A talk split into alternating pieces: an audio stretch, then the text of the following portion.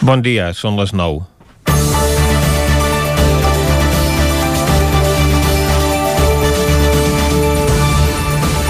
L'últim baròmetre del Centre d'Investigacions Sociològiques determina que un 72,5% de la població es posaria el vaccí de la Covid-19 de forma immediata.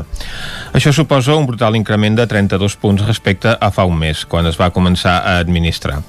El percentatge dels que s'hi oposaven baixa perquè molts estaven a l'espera de com funcionava i si provocava efectes secundaris. Segurament que en aquesta campanya hi han fet molt les persones influents que s'han colat abans d'hora per rebre la primera dosi. Que consellers, alcaldes, bisbes, militars o directius sanitaris hagin corregut a posar-se-la deu ser que no deu ser tan mala cosa. A la nova ministra de Sanitat se li gira feina tal i com ha deixat el panorama el seu antecessor amb la pandèmia desbocada i la vaccinació encallada. I és que el desig del comú de la població està molt lluny de fer-se realitat. En el primer mes del procés, només 173.000 persones estan immunitzades a tot l'estat espanyol i 1,3 milions han rebut la primera dosi, dels quals 200.000 són catalans, que estan a l'espera de la segona dosi i no saben si arribarà. L'administració del vaccí de la Covid-19 requereix d'una gran logística perquè per adquirir el més del 94% d'immunitat que garanteix cal rebre les dues dosis necessàries entre 3 i 4 setmanes de diferència. Però ara mateix Catalunya està esgotant les reserves perquè no està arribant les dosis compromeses per problemes de producció de les farmacèutiques. En punts com Osona, de moment, la situació està més controlada i de moment està garantida la segona dosi als que han rebut la primera. Aquest problema d'incompliment de la producció acordada afecta diversos proveïdors. A Brussel·les hi ha desesperació perquè serà totalment impossible arribar a immunitzar el 70% de la població abans de l'estiu. De fet, ni abans i després, perquè ara mateix hi ha una guerra oberta entre la Unió Europea i una de les companyies, AstraZeneca, que elabora la vacuna d'Oxford perquè només garanteix el 25% de les dosis compromeses al primer trimestre de l'any per problemes de rendiment de les seves plantes europees. La Comissió Europea, però, desconfia i controlarà que no en surtin remeses del producte fabricades d'Europa cap a fora del continent. Mentrestant, les que, es, les que es produeixen al Regne Unit se les ha quedat el govern britànic, coses del Brexit. Aquest vaccí només és recomanable per a menors de 65 anys, mentre que el de Pfizer i Moderna és el que s'està administrant perquè van aconseguir tenir-lo abans. Però també tenen problemes de proveïment és evident que totes aquestes empreses s'han compromès a uns subministraments que no podien oferir simplement per garantir-se un suculent contracte jugant amb la salut de les persones. I tampoc estan disposades a alliberar la patent perquè el negoci és el negoci. Tot plegat és una autèntica immoralitat amb la crítica situació que està vivint tot el planeta. Amb les farmacèutiques hem topat. Comencem Territori 17 a la sintonia del 9 FM, Ona Codinenca, Ràdio Cardedeu, La Veu de Sant Joan i el 9 TV. Territori 17 amb Vicenç Vigues i Jordi Sunyer.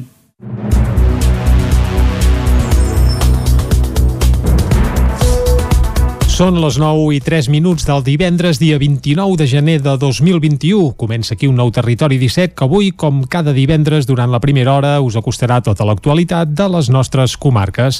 Després, a partir de les 10, més actualitat i les seccions habituals de l'últim dia de la setmana de Territori 17. És a dir, avui ens visitarà el Jaume Espuny per acostar-nos algun clàssic musical d'aquells que han fet història.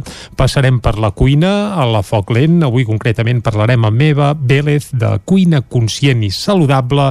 També eh, farem un repàs a l'agenda esportiva del cap de setmana pels equips del nostre territori que fan competició, que són els professionals i els que juguen competicions d'àmbit estatal, i acabarem fent un repàs a l'agenda per aquest cap de setmana marcat de nou pel confinament municipal. Per tant, només podreu gaudir dels actes que es facin al vostre propi municipi. Dit això, el que toca ara és posar-nos al dia tot fent un repàs a l'actualitat de les nostres comarques, les comarques del Ripollès, Osona, el Moianès i el Vallès Oriental.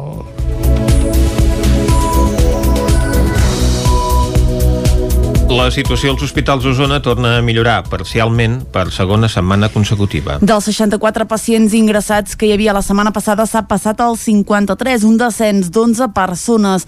A l'Hospital Universitari de Vic actualment hi ha 34 persones hospitalitzades amb positiu de coronavirus nou, de les quals requereixen cures intensives. A l'Hospital de la Santa Creu hi ha 19 pacients amb infecció activa i l'Hospital Sant Jaume de Manlleu continua lliure de pacients amb Covid-19. Els nous nous ingressos també han disminuït i aquesta setmana se situen els 33, 6 menys que els que es van registrar ara fa una setmana. Pel que fa a les dades del Departament de Salut, el nombre de contagis a Osona se situa als 13.363, més de 500 casos detectats els últims 7 dies. També recula la xifra de defuncions. L'última setmana, 15 persones han mort a Osona per causes relacionades al coronavirus. La xifra de vacunats al conjunt de la comarca se situa als 3.987. En 7 dies només han rebut la vacuna 195 persones. La residència Santa Susana de Caldes de Montbui podrà administrar la segona dosi de la vacuna al llarg del dia d'avui. Caral Campàs, des d'Ona Codinenca. Malgrat les declaracions d'aquest dimecres del secretari de Salut Pública, Josep Maria Argimon, Santa Susana podrà seguir amb normalitat el seu pla de vacunació. El responsable de Salut va explicar que Pfizer va enviar la meitat de dosis que hauria d'haver subministrat la setmana passada i que durant les tres pròximes n'arribaran un 10% menys del que estava previst. Per aquest motiu, tot i que Argimon ha expressat la seva previsió de recuperar-les, aquest endarreriment afectarà el pla de vacunació de la Generalitat. A qui no afectarà és a la Fundació d'Acollida i la Sociosanitària Sanitària de Santa Susana, que avui mateix administrarà la segona dosi de la vacuna contra la Covid als seus usuaris i treballadors que van rebre la primera fa gairebé tres setmanes. Durant la primera sessió de vacunació del 8 de gener es va administrar el vaccí al 92% de les persones usuàries de la Fundació d'Acollida i al 60% del personal que hi treballa. Només quatre residents que no van poder rebre la vacuna perquè se'ls desaconsellava per motius de salut. Aquestes persones, conjuntament amb el 75% dels treballadors de la secció sociosanitària, seran els qui podran rebre la segona dosi i definitiva avui mateix. La resta de treballadors de l'àrea d'acollida i les persones usuàries de la sociosanitària van rebre la primera injecció la setmana passada i, per tant, encara n'hauran d'esperar dues més per poder rebre la segona. També hauran d'esperar els treballadors i usuaris de les altres dues residències calderines, la Llar i l'Àlamo. Aquestes institucions van administrar la primera dosi una setmana després que Santa Susana. Per això hauran d'esperar set dies més per poder realitzar la segona i definitiva dosi dosi. De Torelló i l'empresa concessionària de la piscina municipal han decidit tancar les instal·lacions perquè davant de la situació actual de limitacions és insostenible mantenir-la oberta. Des de l'Ajuntament expliquen que tot i que el Procicat permet l'obertura de les piscines, les limitacions que s'imposen obliguen a fer una activitat molt reduïda al recinte i a no poder donar servei a les persones que no només practiquen la natació. Aquest fet i la limitació d'aforament fa que el nombre de persones usuàries de l'equipament esportiu s'hagi reduït dràsticament i faci inviable seguir mantenint mantenint la instal·lació a punt per la pràctica esportiva. La piscina estarà tancada a partir de dilluns vinent fins a nou avís. Esquerra Republicana de Sant Joan qüestiona que es mantingui el disseny de la passera del riu Ter, la qual desapareix cada cop que hi ha una riuada important. Isaac Muntades, des de la veu de Sant Joan. La passera del riu Ter que hi ha a Sant Joan de les Abadeses va generar força debat en el ple telemàtic d'aquest dimecres. El grup d'Esquerra Republicana de Catalunya va preguntar sobre els dos decrets signats per l'alcalde del mes de desembre que feien referència a la consolidació de l'estructura i recuperació de la passera. El seu portaveu, Sergi Albric, va mostrar la seva sorpresa pel fet que al pilar central es doblessin les tones de la mateixa escollera per tal que la infraestructura ofereixi més resistència a les riuades que hi ha hagut darrerament, però que en canvi es mantingui el disseny. Albric va criticar aquest fet i també el cost total des que es va inaugurar la passera. Ens costa una mica de concebre que més enllà dels 140.000 euros que va costar la passera doncs, en el moment d'inaugurar-la, doncs hi hem sumat 15.000 més i ara aquests 93 doncs, per, uh, per recuperar doncs, la passera després del temporal d'oli. No? Per tant, ens anem a 245.000 euros per un uh, element que és uh, molt efímer i que creiem que el disseny doncs, que es continua mantenint doncs, uh, en tenia dubtes doncs, que, que sigui el, el més òptim en quant a eficiència ambiental referent-nos a les fosques o quan, en quant a eficiència econòmica. L'edil republicà referia unes fustes fetes d'un material tropical que valien uns 8.000 euros. En aquest sentit, l'alcalde Ramon Roquer va contestar-li que certament aquestes fustes tenien un cost molt alt, però es van instal·lar només quan es va construir la passera per primera vegada, la qual estava pràcticament tota subvencionada. Després del temporal Leslie, aquestes vigues i la fusta ja no es van posar, però en tot cas, segons el Vall, ara costarien uns 1.500-2.000 euros. Roquer també va aclarir que aquesta passera és l'única que l'Agència Catalana de l'Aigua va deixar fer en el seu moment per connectar la zona del passeig de la Puda amb la de l'Arsamala. Roquer va especificar que el cost total per arreglar els desperfectes era molt menor. Aquest projecte que t'apuntava de 60.000 euros, en aquest projecte contemplava eh, tota la reparació eh, en un moment donat, que hagués costat, evidentment, molts més diners. Nosaltres vam aprofitar precisament que s'hi feia una altra actuació en aquest punt, en el riu Ter, d'arreglar el col·lector, i gràcies a poder aprofitar aquella reparació, el cost definitiu de sentar la base és aquest altre import que vostè ha comentat de 20 i pico de mil euros. El cost de la reparació total seran aquests 20 i pico de mil euros que diu vostè, més col·locar les vigues i les fustes. Diem que una cosa és el cost que surt en el projecte si hagués hagut de fer tota l'actuació de forma paral·lela i separada, una altra cosa és el cost total, que en aquest cas només n'hem assumit una part. L'alcalde va dir que si no es pot reconstruir l'espigó que es va trencar i que impedia que s'inundessin els horts, no val la pena tornar a posar la passera. A més, va encetar un debat interessant dient si era necessària aquesta infraestructura, ja que en el seu moment l'ACA estava convençuda que tindria una durada important abans no hi hagués una riuada. Per això, Roquer va plantejar que potser s'hauria de fer algun tipus de procés participatiu perquè la gent decidís. El Pla de Barris de Sant Pere de Torelló, que tenia com a objectiu rehabilitar el nucli antic del poble, està enllestit. Sant Pere de Torelló ha enllestit la rehabilitació integral del nucli antic. Es tracta de la subvenció del Pla de Barris que la Generalitat va atorgar l'any 2010. El macroprojecte estava valorat en 4,9 milions d'euros i a través del pla el consistori només n'havia de portar el 25%. Jordi Fabrega és l'alcalde de Sant Pere de Torelló. És una estratègia que va elaborar la Generalitat de Catalunya abans en, del, entre el 2006 i el 2010 per intentar que en tot de municipis del país en què hi havia nuclis degradats, nuclis històrics que estaven molt degradats, que requeria d'una actuació i que requeria una millora en tots els sentits, a nivell urbanístic, però també a nivell social, es poguessin reactivar. No? Per tant, la voluntat és reactivar aquests nuclis. La crisi econòmica va fer que el pla s'allargués una dècada i encara tres mesos més fins al març d'aquest any.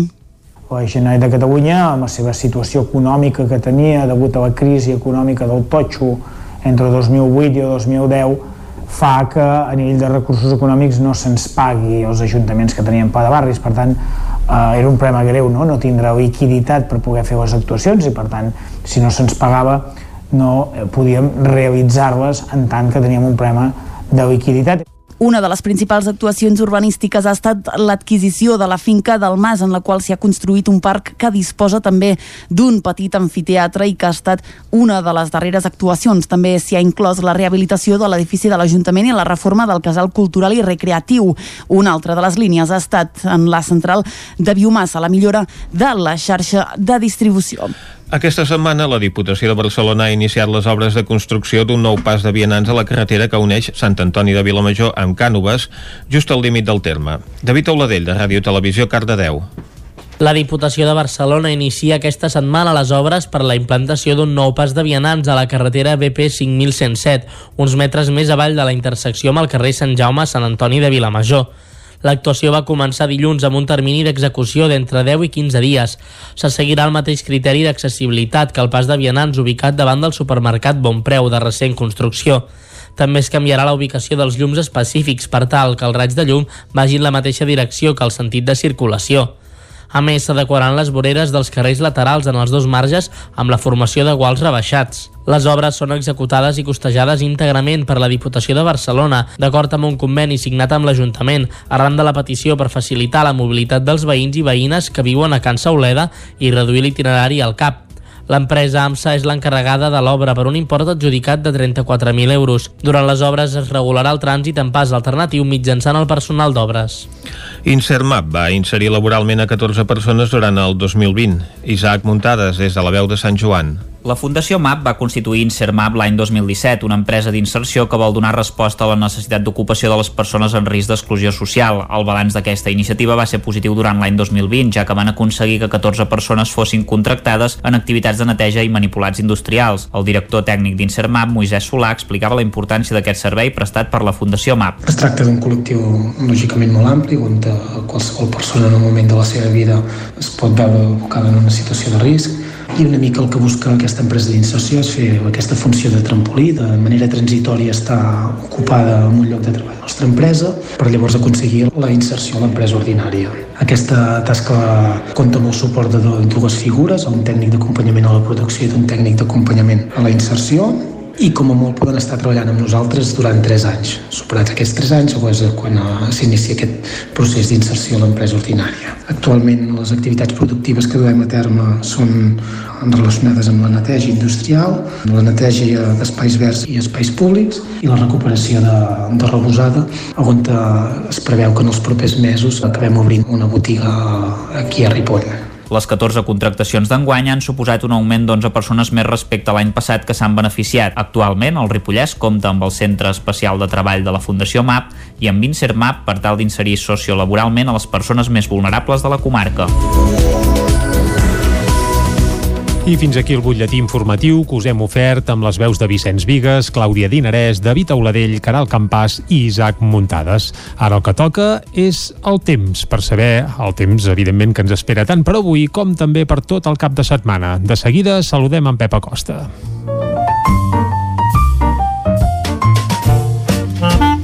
Casa Terradellos us ofereix el temps. Molt bon dia, Pep.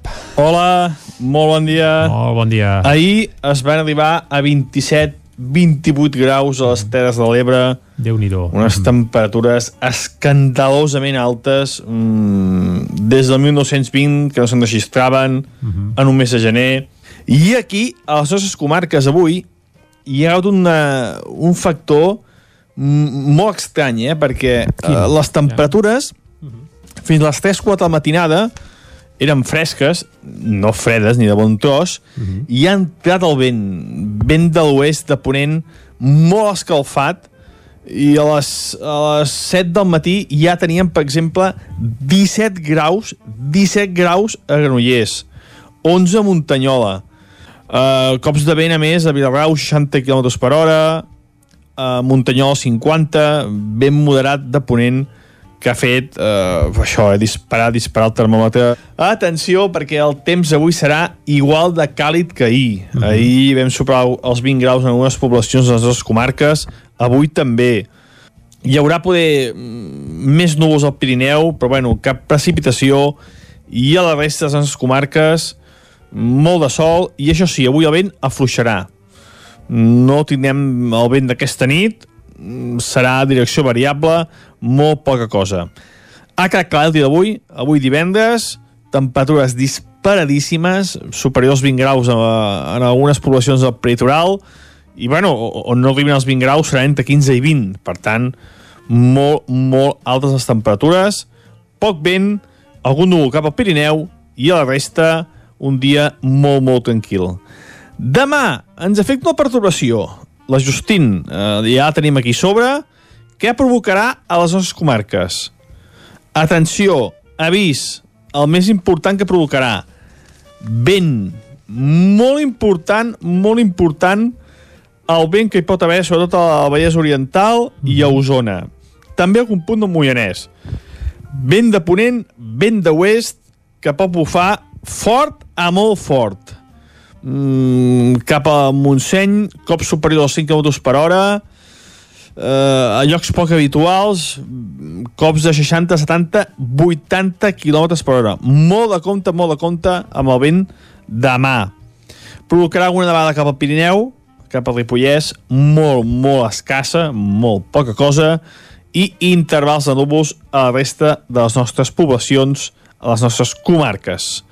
I diumenge se'n va a Justín, temps molt més tranquil, el vent també fluixarà, el vent serà fort demà només, diumenge començarà a fluixar a poc a poc, a poc a poc, encara hi pot haver alguna, alguna ratxa una mica, una mica forta, però mica a mica diumenge el vent anirà fluixant, i marxaran els núvols, marxarà la perturbació i el sol serà el protagonista. Uh -huh. Dissabte les temperatures baixaran, respecte a avui almenys baixaran 5 o 6 graus a la majoria de les poblacions, i diumenge es mantindran a línia de dissabte. És a dir, si avui tindrem temperatures de 21-22 graus, demà la majoria quedaran per sota dels 15 i diumenge també es normalitzaran una mica les temperatures i també les mínimes baixaran les mínimes ja eh, de, de dissabte a diumenge seran més acordes amb l'època de l'any entre els 5 i els 10 graus a la majoria de les poblacions. No hi haurà els estralls d'aquesta nit, l'esbauxa que hi ha hagut aquesta nit amb aquest vent que ha bufat de l'oest tan i tan escalfat. Mm -hmm. I això és tot, a disfrutar el cap de setmana, ja veieu, eh, tindrem una mica de tot, avui caloreta, demà ben ventilats, ventada molt, molt important, i diumenge molta més tranquil·litat. Moltes gràcies! Vinga, Pep, moltes gràcies a tu. Ventilats o no, nosaltres ara el que farem és anar cap al quiosc per repassar què diuen les portades de la premsa d'avui. Anem-hi. Casa Tarradellas us ha ofert aquest espai. Territori 17. Envia'ns les teves notes de veu per WhatsApp al 646 079 023. 646 079 023. WhatsApp Territori 17.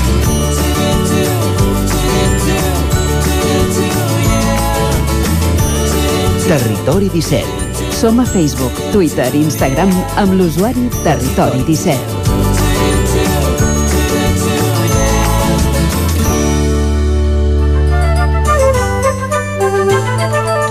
Arriba l'hora de fer un repàs del que treuen en portada els diaris d'avui. Clàudia, comencem aquest divendres amb el 9-9. Bon dia de nou, comencem uh, concretament amb l'edició d'Osona i el Ripollès que diu arrenca una campanya atípica. A la imatge hi veiem la tradicional enganxada de cartells a la plaça Major de Vic a mitjanit, que aquest cop evidentment es va haver d'avançar a les 8 del vespre amb un acte simbòlic per fer la fotografia de grup. Després de la polèmica pel confinament, els partits han demanat als simpatitzants que assisteixin només als actes que es facin al seu municipi municipi. Encara pel que fa a eleccions, un de cada tres escollits per anar a una mesa a Osona ha presentat al·legacions. La Junta Electoral de Zona ha de resoldre les prop de 300 peticions rebudes fins ara. Més titulars, Salut garanteix la segona dosi a les 5.000 persones ja vacunades de Covid a Osona i Ripollès i Torelló confia a fer aviat el canvi en la gestió de l'aigua després de dos anys de pròrroga. Anem a l'edició del Vallès Oriental que diu un de cada quatre treballadors ballesans ha passat per un ERTO. Els 6.000 expedients presentats per empreses afecten unes 50.000 persones de la comarca. A la imatge, Juzgado torna a ser alcalde de Parets en una tensa moció de censura. Més titulars, els ingressats als hospitals baixen per primer cop des de Nadal i 200.000 euros municipals per la restauració del cementiri de la Doma. Anem a repassar les portades dels diaris catalans. Comencem amb el punt avui que parla de xifres. Diu 537.900 aturats i 172.735 ERTOs. La pandèmia provoca un augment desbocat de l'atur l'any 2020. Si la crisi s'allarga, diu molts afectats pels ERTO poden acabar també sense feina. A la imatge, campanya amb els presos en tercer grau. Aquí el que fan és uh, un recull de tots els cartells electorals que hi es van fer públics. Anem al diari Ara, que diu la sortida dels presos marca l'inici de la campanya. La Generalitat concedeix el tercer grau als reclusos que avui ja podran ser al carrer. De fet, a primera hora alguns ja han pogut sortir. A la imatge Portugal, amb els hospitals al límit, tanca la frontera i la Unió Europea respon a AstraZeneca frenant l'exportació de vacunes. Anem al periòdico que diu Catalunya comença una campanya sembrada d'incògnites. La carrera electoral s'obre amb la data del 14F encara pendent de confirmació judicial. Avui al periòdico entrevisten a Salvador Illa, és el candidat del PSC i fins fa unes hores gairebé eh, ministre de Sanitat, que diu al meu govern no hi haurà cap independentista. Dos titulars més i anem a l'avantguàrdia. La Unió Europea contraataca i amenaça amb bloquejar l'exportació de vacunes i la pandèmia va eliminar 622.000 llocs de treball i va elevar l'atur al 16,1% l'any 2021. Com dèiem, acabem amb l'avantguàrdia que diu el govern central salva els fons europeus amb l'abstenció de Vox. Els independentistes immersos en la campanya electoral voten contra el decret d'execució amb el PP i amb Ciutadans. Uh, encara amb eleccions, el primer debat de la campanya diu organitzat avui per l'avantguàrdia i comença a remetre la tercera onada als hospitals de Catalunya. Pfizer, per la seva banda, recuperarà a partir de dilluns el ritme de lliuraments. Anem a Madrid a veure què és el que treuen en portada els diaris d'allà. Comencem amb el país que diu Vox salva el govern en la votació del fons europeu. El PP acusa el partit de Bascal de ser un salvavides per Pedro Sánchez. La Generalitat diu posa la campanya electoral als presos del procés i la Unió Europea invoca poders d'excepció per assegurar-se les vacunes. Al Mundo, en la mateixa línia diu el salvavides de Vox lliure Sánchez el control dels fons. A la imatge incinerà en 24 hores, diu, a la comunitat valenciana. La Unió Europea es prepara per frenar l'exportació de vacunes que es fabriquin al seu territori i pel que fa a les eleccions catalanes, el separatisme, diu, obre campanya amb la sortida dels presos per desafiar els jutges. Anem a la Razón, que també parla del 14F. Diu Sánchez es juga el seu blindatge a la Moncloa.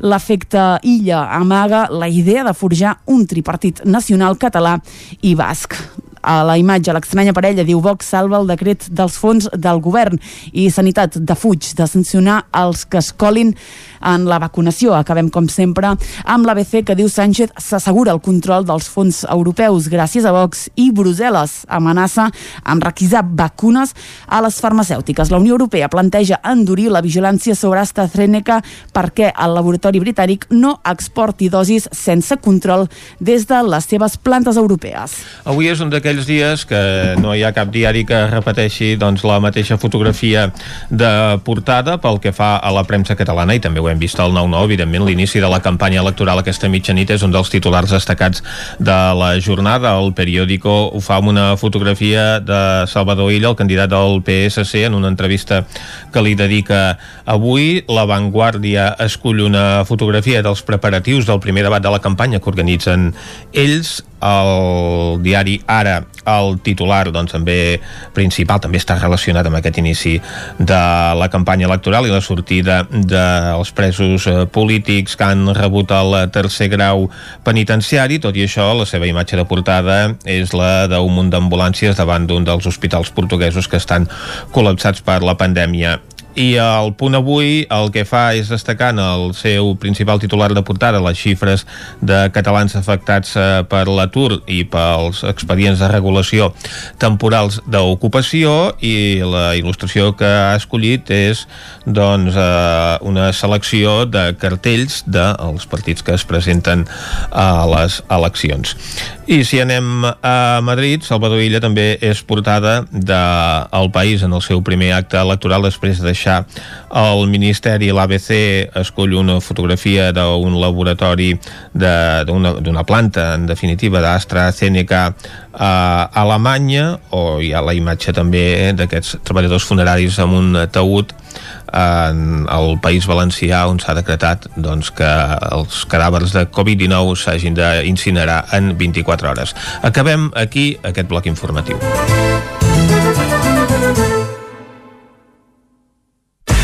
El nou FM, la ràdio de casa, al 92.8. Les bones decisions tenen premi. I és que si té una caldera Vaillant, està d'enhorabona. Vaillant li ofereix fins a 15 anys de cobertura total, amb la revisió obligatòria inclosa. Informis a Oficiat Nord trucant al 93 886 0040. Amb el servei tècnic oficial de Vaillant, la seva caldera estarà en les millors mans.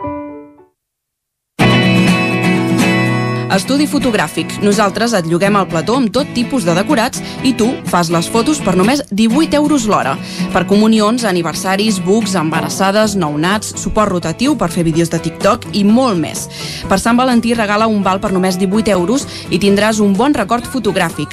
Ens trobaràs al carrer de Sant Tomàs 4 de Call d'Atenes al telèfon 640 56 0310 i també a Instagram i a Facebook. Cocodril Club. Si t'agrada la bona música dels anys 60, 70 i 80, escolta el 9 FM als matins de dissabtes i diumenges d'11 a 1. És el temps del Cocodril Club, tot un clàssic de la ràdio, amb les bases del pop-rock, les llegendes, les cançons que s'han convertit en autèntics himnes. Recorda, dissabtes i diumenges al matí, d'11 a 1, al 9 FM 92.8. Cocodril Club, el programa revival de l'Albert Malla. Hasta luego. Anuncia't al 9FM. La màquina de casa. 9 3 8 8 9 4 9 4 9. Publicitat arroba al 9FM.cat. Anuncia't al 9FM. La publicitat més eficaç. La Fogonera, resistència gastronòmica. És un restaurant? És un rostidor? És La Fogonera, la cuina en directe des de GURB, on encarregues, ho vens a buscar i ara també t'ho portem a casa. La Fogonera, resistència gastronòmica. Ara, amb la fogonera de dia, amb aperitius, arrossos, segons plats i postres. I quan cau la nit, ens transformem en un popurri culinari. Burgers, pizza, pasta... Truca al 93 851 55 75 o entra a lafogonera.cat. La Fogonera, el teu aliat gastronòmic. A Vic, T52. Solucions personalitzades.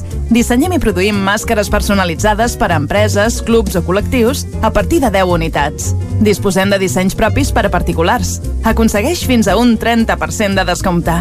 T52. Ens trobareu al centre, al carrer 941 i també a l'Horta Vermella, al carrer Menéndez Pelayo 31. Més informació a t52.cat. El nou FM, el nou FM, el nou FM, el nou FM, el nou FM. Territori 17, amb Vicenç Vigues i Jordi Sunyer. Dos quarts de deu en punt d'avui divendres, dia 29 de gener de 2021. Seguim en directe aquí a Territori 17 i ara el que farem de seguida és acostar-vos tota l'actualitat de les nostres comarques. Després, a partir de les 10, un nou butlletí informatiu i les seccions habituals dels divendres. Avui, com sempre, tindrem entrevista, anirem a parlar de cuina a la Foc Lent. Avui, concretament, anirem fins a una codinenca on conversarem amb Eva Vélez de Cuina Conscient i Saludable també repassarem agendes pel cap de setmana, tant esportiva com d'activitats convencionals, i a més a més també ens visitarà el Jaume Espuny, que cada divendres ens acosta algun clàssic musical d'aquells que han fet història, algun disc d'aquells del tot imprescindibles. Ara, però, el que toca és repassar de nou tota l'actualitat de les nostres comarques, les comarques del Ripollès, Osona, el Moianès i el Vallès Oriental. La situació als hospitals d'Osona torna a millorar parcialment per segona setmana consecutiva. Dels 64 pacients ingressats que hi havia la setmana passada s'ha passat al 53, un descens d'11 persones. A l'Hospital Universitari de Vic actualment hi ha 34 persones hospitalitzades amb positiu de coronavirus nou, de les quals requereixen cures intensives. A l'Hospital de la Santa Creu hi ha 19 pacients amb infecció activa i l'Hospital Sant Jaume de Manlleu continua lliure de pacients amb Covid-19. Els nous ingressos també han disminuït i aquesta setmana se situen als 33, 6 menys que els que es van registrar ara fa una setmana. Pel que fa a les dades del Departament de Salut, el nombre de contagis a Osona se situa als 13.363, més de 500 casos detectats els últims 7 dies. També recula la xifra de defuncions. L'última setmana, 15 persones han mort a Osona per causes relacionades al coronavirus. La xifra de vacunats al conjunt de la comarca se situa als 3.987. En 7 dies només han rebut la vacuna 195 persones. La residència Santa Susana de Caldes de Montbui podrà administrar la segona dosi de la vacuna al llarg del dia d'avui. Caral Campàs, des d'Ona Codinenca. Malgrat les declaracions d'aquest dimecres del secretari de Salut Pública, Josep Maria Argimon, Santa Susana podrà seguir amb normalitat el seu pla de vacunació. El responsable de Salut va explicar que Pfizer va enviar la meitat de dosis que hauria d'haver subministrat la setmana passada i que durant les tres pròximes n'arribaran un 10% menys del que estava previst. Per aquest motiu, tot i que Argimon ha expressat la seva previsió de recuperar-les, aquest endarreriment afectarà el pla de vacunació de la Generalitat. A qui no afectarà és a la Fundació d'Acollida i la Sociosanitària Sanitària de Santa Susana, que avui mateix administrarà la segona dosi de la vacuna contra la Covid als seus usuaris i treballadors que van rebre la primera fa gairebé tres setmanes. Durant la primera sessió de vacunació del 8 de gener es va administrar el vaccí al 92% de les persones usuàries de la Fundació d'Acollida i al 60% del personal que hi treballa. Només quatre residents que no van poder rebre la vacuna perquè se'ls desaconsellava per motius de salut. Aquestes persones, conjuntament amb el 75% dels treballadors de la secció sociosanitària, seran els qui podran rebre la segona dosi i definitiva avui mateix. La resta de treballadors de l'àrea d'acollida i les persones usuàries de la sociosanitària van rebre la primera injecció la setmana passada i, per tant, encara n'hauran d'esperar dues més per poder rebre la segona. També hauran d'esperar els treballadors i usuaris de les altres dues residències calderines, la Llar i l'Àlamo. Aquestes institucions van administrar la primera dosi una setmana després que Santa Susana. Per això hauran d'esperar set dies més per poder realitzar la segona i definitiva dosi. L'Ajuntament de Torelló i l'empresa concessionària de la piscina municipal han decidit tancar les instal·lacions perquè davant de la situació actual de limitacions és insostenible mantenir-la oberta. Des de l'Ajuntament expliquen que tot i que el Procicat permet l'obertura de les piscines, les limitacions que s'imposen obliguen a fer una activitat molt reduïda al recinte i a no poder donar servei a les persones que no només practiquen la natació. Aquest fet i la limitació d'aforament fa que el nombre de persones usuàries de l'equipament esportiu s'hagi reduït dràsticament i faci inviable seguir mantenint mantenint la instal·lació a punt per la pràctica esportiva. La piscina estarà tancada a partir de dilluns vinent fins a nou avís. Esquerra Republicana de Sant Joan qüestiona que es mantingui el disseny de la passera del riu Ter, la qual desapareix cada cop que hi ha una riuada important. Isaac Muntades, des de la veu de Sant Joan. La passera del riu Ter que hi ha a Sant Joan de les Abadeses va generar força debat en el ple telemàtic d'aquest dimecres. El grup d'Esquerra Republicana de Catalunya va preguntar sobre els dos decrets signats per l'alcalde del mes de desembre que feien referència a la consolidació de l'estructura i recuperació de la passera. El seu portaveu, Sergi Albric, va mostrar la seva sorpresa pel fet que al pilar central es doblessin les tones de la mateixa escollera per tal que la infraestructura ofereixi més resistència a les riuades que hi ha hagut darrerament, però que en canvi es mantingui el disseny. Albric va criticar aquest fet i també el cost total des que es va inaugurar la passera. Ens costa una mica de concebre que més enllà dels 140.000 euros que va costar la passera doncs en el moment d'inaugurar-la doncs hi hem sumat 15.000 més i ara aquests 93 doncs, per, uh, per recuperar doncs, la passera després del temporal d'oli. No? Per tant, ens anem a 245.000 euros per un uh, element que és uh, molt efímer i que creiem que el disseny doncs, que es continua mantenint doncs, uh, en tenia dubtes doncs, que, que sigui el, el més òptim en quant a eficiència ambiental referent-nos a les fosques, o quan, en quant. L'edil republicà referia unes fustes fetes d'un material tropical que valien uns 8.000 euros. En aquest sentit, l'alcalde Ramon Roquer va contestar-li que certament aquestes fustes tenien un cost molt alt, però es van instal·lar només quan es va construir la passera per primera vegada, la qual estava pràcticament tota subvencionada. Després del temporal Leslie, aquestes vigues i la fusta ja no es van posar, però en tot cas, segons el Vall, ara costarien uns 1.500-2.000 euros. Roquer també va aclarir que aquesta passera és l'única que l'Agència Catalana de l'Aigua va deixar fer en el seu moment per connectar la zona del passeig de la Puda amb la de l'Arsamala. Roquer va especificar que el cost total per arreglar els desperfectes era molt menor. Aquest projecte que t'apuntava de 60.000 euros, en aquest projecte contemplava tota la reparació en un moment donat, que hagués costat evidentment molts més diners. Nosaltres vam aprofitar precisament que s'hi feia una altra actuació en aquest punt, en el riu Ter, d'arreglar el col·lector i gràcies a poder aprofitar aquella reparació, el cost definitiu de sentar la base és aquest altre import que vostè ha comentat de 20 i pico de mil euros. El cost de la reparació total seran aquests 20 i pico de mil euros que dit vostè, més col·locar les vigues i les fustes. Diguem que una cosa és el cost que surt en el projecte si s'hagués hagut de fer tota l'actuació de forma paral·lela i separada, una altra cosa és el cost total, que en aquest cas només n'hem assumit una part. L'alcalde va dir que si no es pot reconstruir l'espigó que es va trencar i que impedia que s'inundessin els horts, no val la pena tornar a posar la passera. A més, va encetar un debat interessant dient si era necessària aquesta infraestructura, ja que en el seu moment l'ACA estava convençuda que tindria una durada important abans no hi hagués una riuada. Per això, Roquer va plantejar que potser s'hauria de fer algun tipus de procés participatiu perquè la gent decidís. El pla de barris de Sant Pere de Torelló, que tenia com a objectiu rehabilitar el nucli antic del poble, està enllestit. Sant Pere de Torelló ha enllestit la rehabilitació integral del nucli antic. Es tracta de la subvenció del pla de barris que la Generalitat va atorgar l'any 2010. El macroprojecte estava valorat en 4,9 milions d'euros i a través del pla el consistori només n'havia de portar el 25%. Jordi Fabrega és l'alcalde de Sant Pere de Torelló. És una estratègia que va elaborar la Generalitat de Catalunya abans en, entre el 2006 i el 2010 per intentar que en tot de municipis del país en què hi havia nuclis degradats, nuclis històrics que estaven molt degradats, que requeria d'una actuació i que requeria de millora en tots els sentits, a nivell urbanístic, però també a nivell social, es poguessin reactivar. No? Per tant, la voluntat és reactivar aquests nuclis la crisi econòmica va fer que el pla s'allargués una dècada i encara tres mesos més fins al març d'aquest any.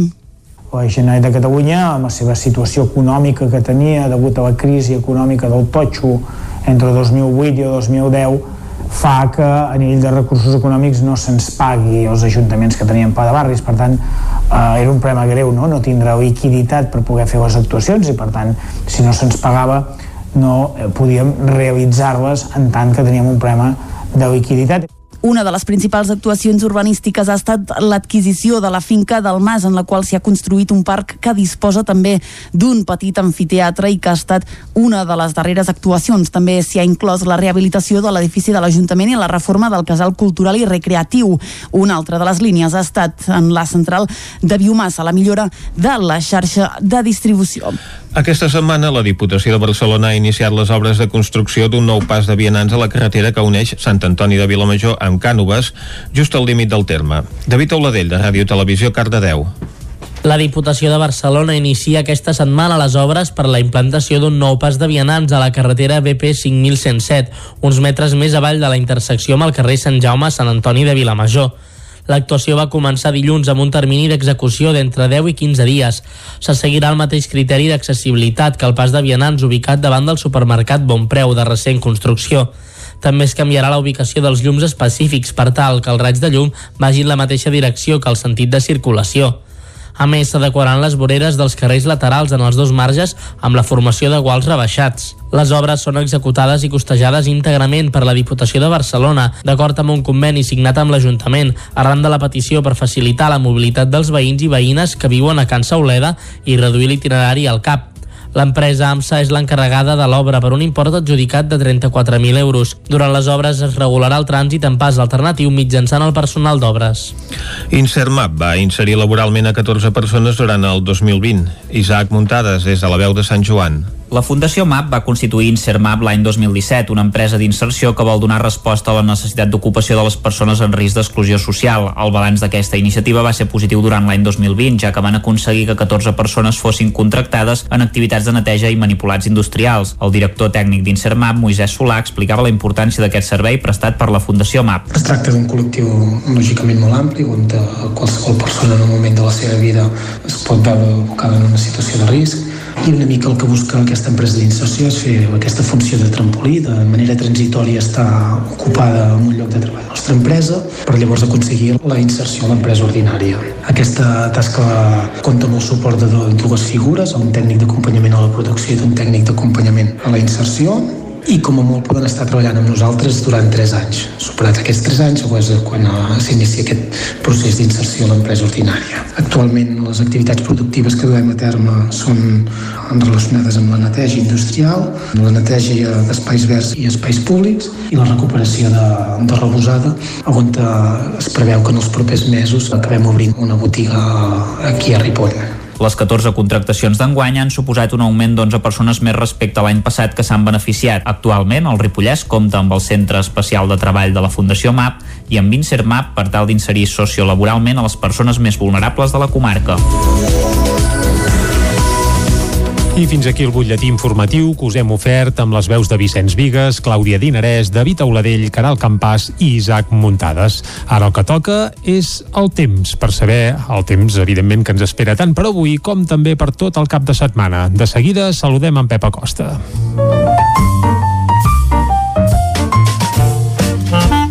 Casa Terradellos us ofereix el temps. Molt bon dia, Pep. Hola, molt bon dia. Molt bon dia. Ahir es van arribar a 27 28 graus a les Terres de l'Ebre. déu nhi Unes temperatures escandalosament altes mmm, des del 1920 que no se'n registraven uh -huh. en un mes de gener.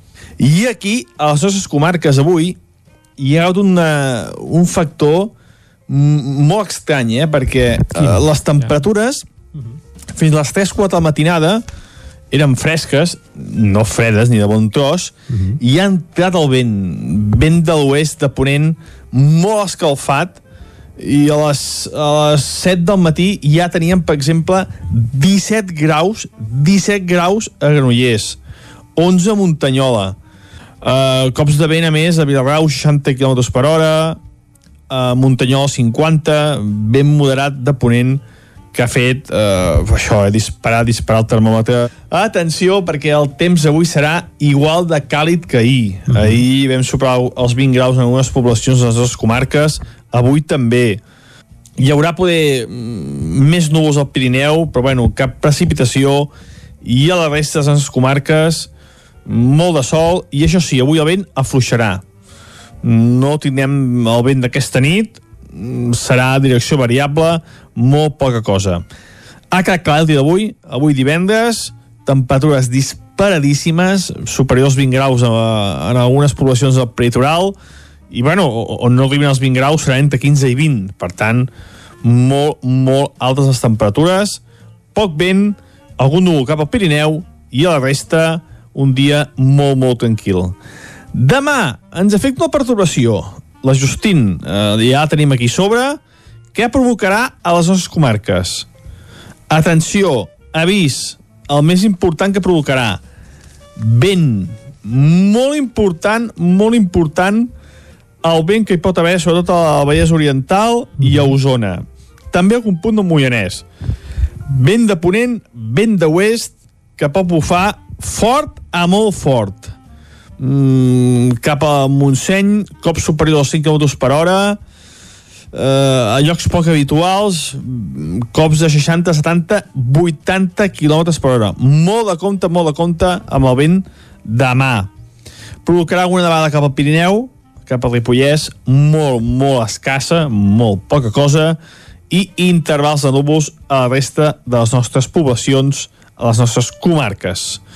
I diumenge se'n va Justín, temps molt més tranquil, el vent també fluixarà, el vent serà fort demà només, diumenge començarà a fluixar a poc a poc, a poc a poc, encara hi pot haver alguna, alguna ratxa una mica, una mica forta, però mica a mica diumenge el vent anirà fluixant, i marxaran els núvols, marxarà la perturbació i el sol serà el protagonista. Uh -huh. Dissabte les temperatures baixaran, uh, respecte a avui almenys baixaran 5 o 6 graus a la majoria de les poblacions, i diumenge es mantindran a la línia de dissabte. És a dir, si avui tindrem temperatures de 21-22 graus, demà la majoria quedaran per sota dels 15, i diumenge també es normalitzaran una mica les temperatures i també les mínimes baixaran les mínimes ja eh, de, de dissabte a diumenge seran més acordes amb l'època de l'any entre els 5 i els 10 graus a la majoria de les poblacions. No hi haurà els estralls d'aquesta nit, la l'esbauxa que hi ha hagut aquesta nit amb aquest vent que ha bufat d'oest tan i tan escalfat. Mm -hmm. I això és tot. A disfrutar el cap de setmana. Ja veieu, eh? Tindrem una mica de tot. Avui caloreta, demà ben ventilats, ventada molt, molt important, i diumenge molta més tranquil·litat. Moltes gràcies. Vinga, Pep, moltes gràcies a tu. Ventilats o no, nosaltres ara el que farem és anar cap al quiosc per repassar què diuen les portades de la premsa d'avui. Anem-hi. Casa Tarradellas us ha ofert aquest espai.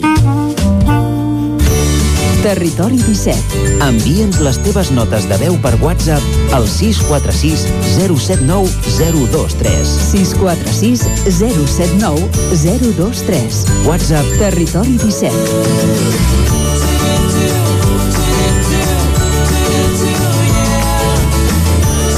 Territori 17. Som a Facebook, Twitter i Instagram amb l'usuari Territori 17.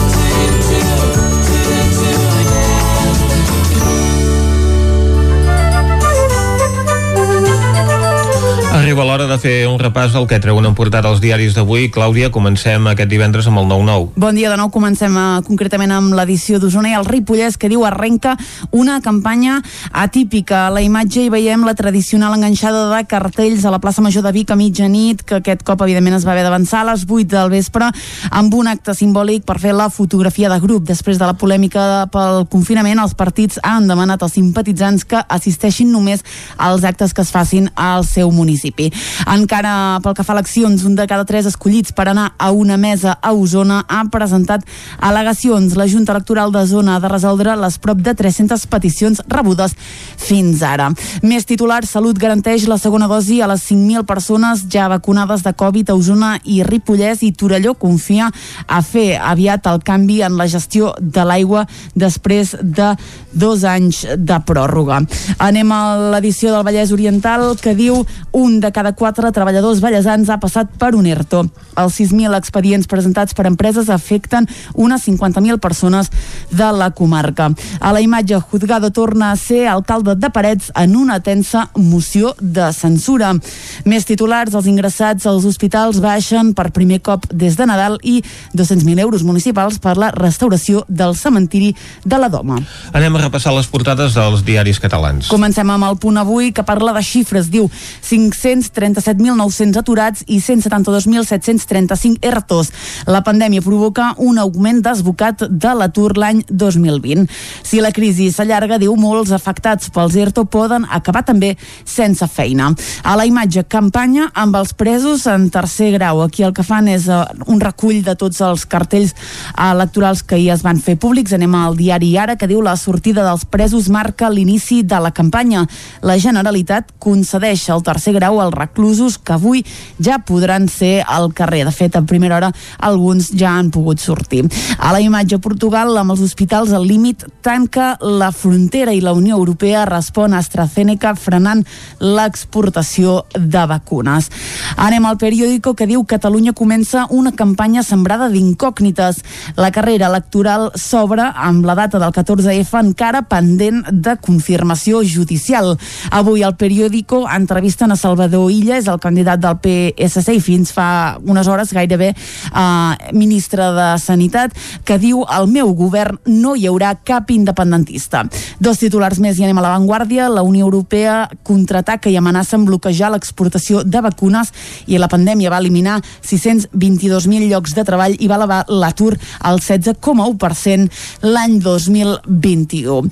Com dèiem, acabem amb l'avantguàrdia que diu el govern central salva els fons europeus amb l'abstenció de Vox. Els independentistes immersos en la campanya electoral voten contra el decret d'execució amb el PP i amb Ciutadans. Encara amb eleccions, el primer debat de la campanya diu organitzat avui per l'avantguàrdia i comença a remetre la tercera onada als hospitals de Catalunya. Pfizer, per la seva banda, recuperarà a partir de dilluns el ritme de lliuraments. Anem a Madrid a veure què és el que treuen en portada els diaris d'allà. Comencem amb el país que diu Vox salva el govern en la votació del fons europeu. El PP acusa el partit de Bascal de ser un salvavides per Pedro Sánchez. La Generalitat diu posa la campanya electoral als presos del procés i la Unió Europea invoca poders d'excepció per assegurar-se les vacunes. El Mundo, en la mateixa línia, diu el salvavides de Vox lliura Sánchez el control dels fons. A la imatge incinerà en 24 hores, diu, a la comunitat valenciana. La Unió Europea es prepara per frenar l'exportació de vacunes que es fabriquin al seu territori i pel que fa a les eleccions catalanes, el separatisme, diu, obre campanya amb la sortida dels presos per desafiar els jutges. Anem a la raó que també parla del 14F. Diu Sánchez es juga el seu blindatge a la Moncloa.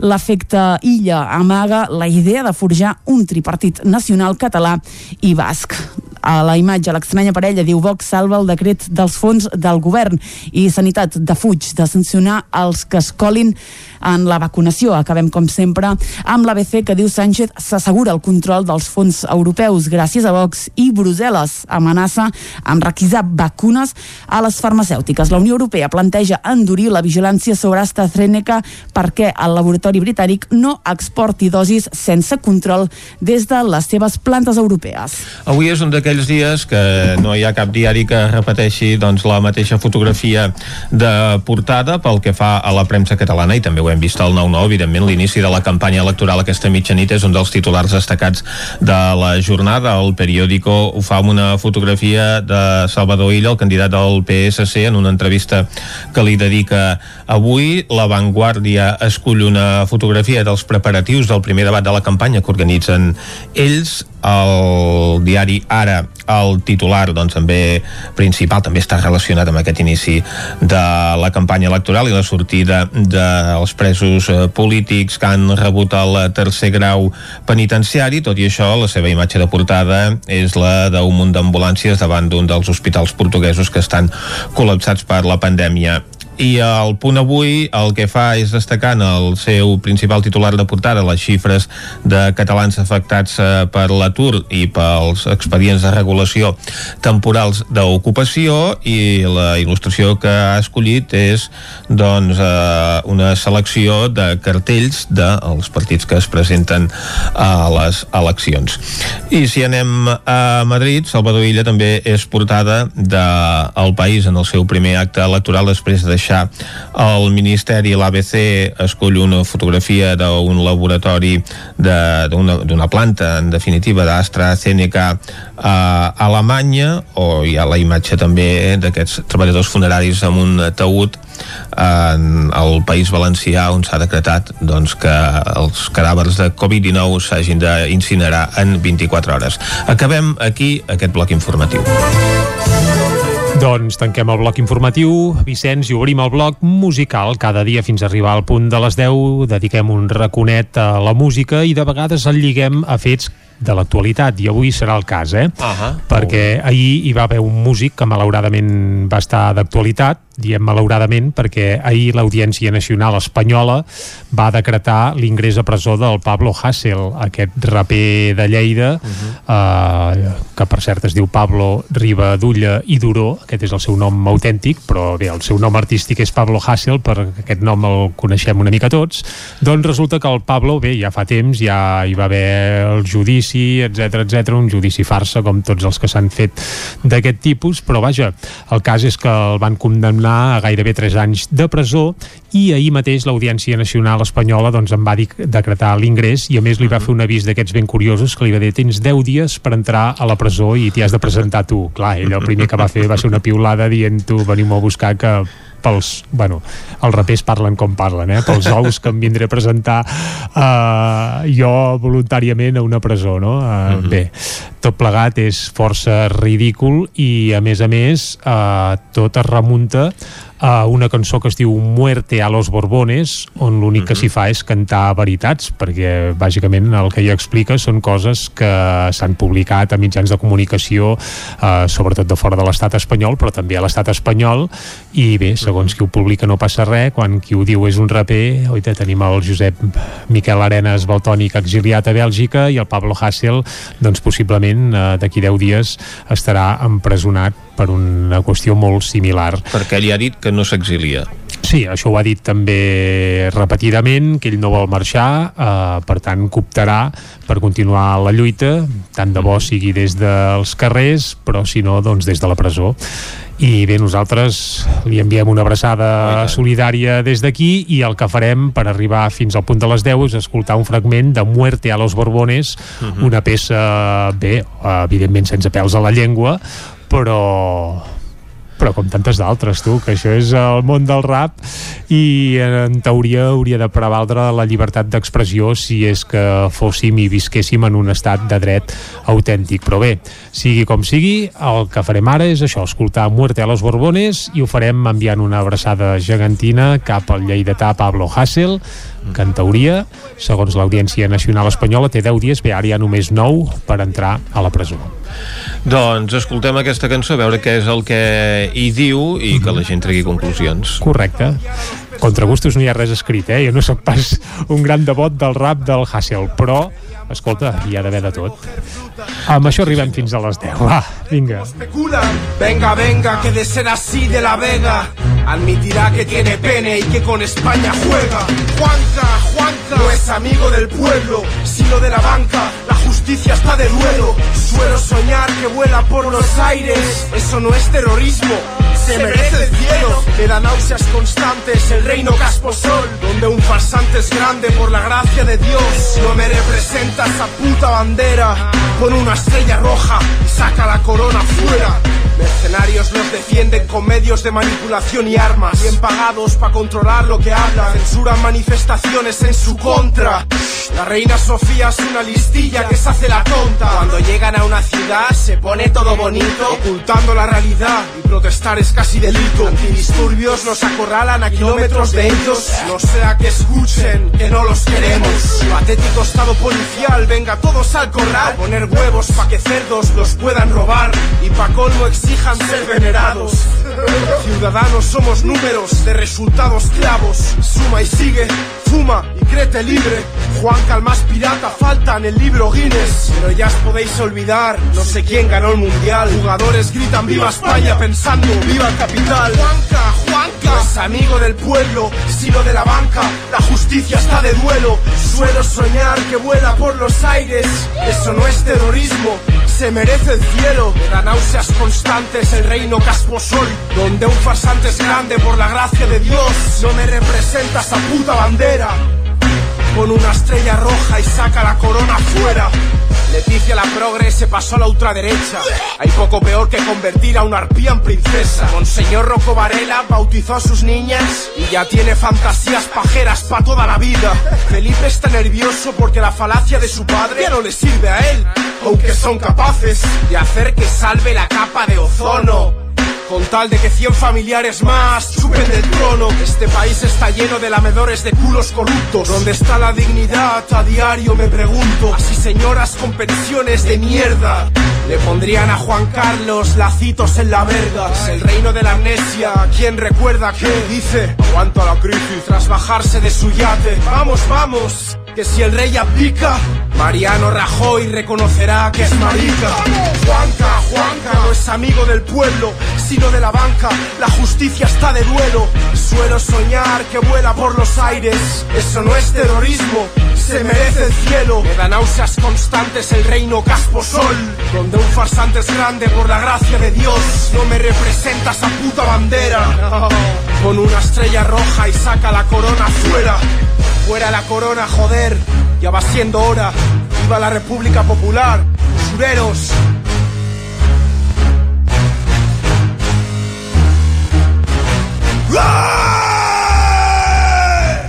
¡Casposos!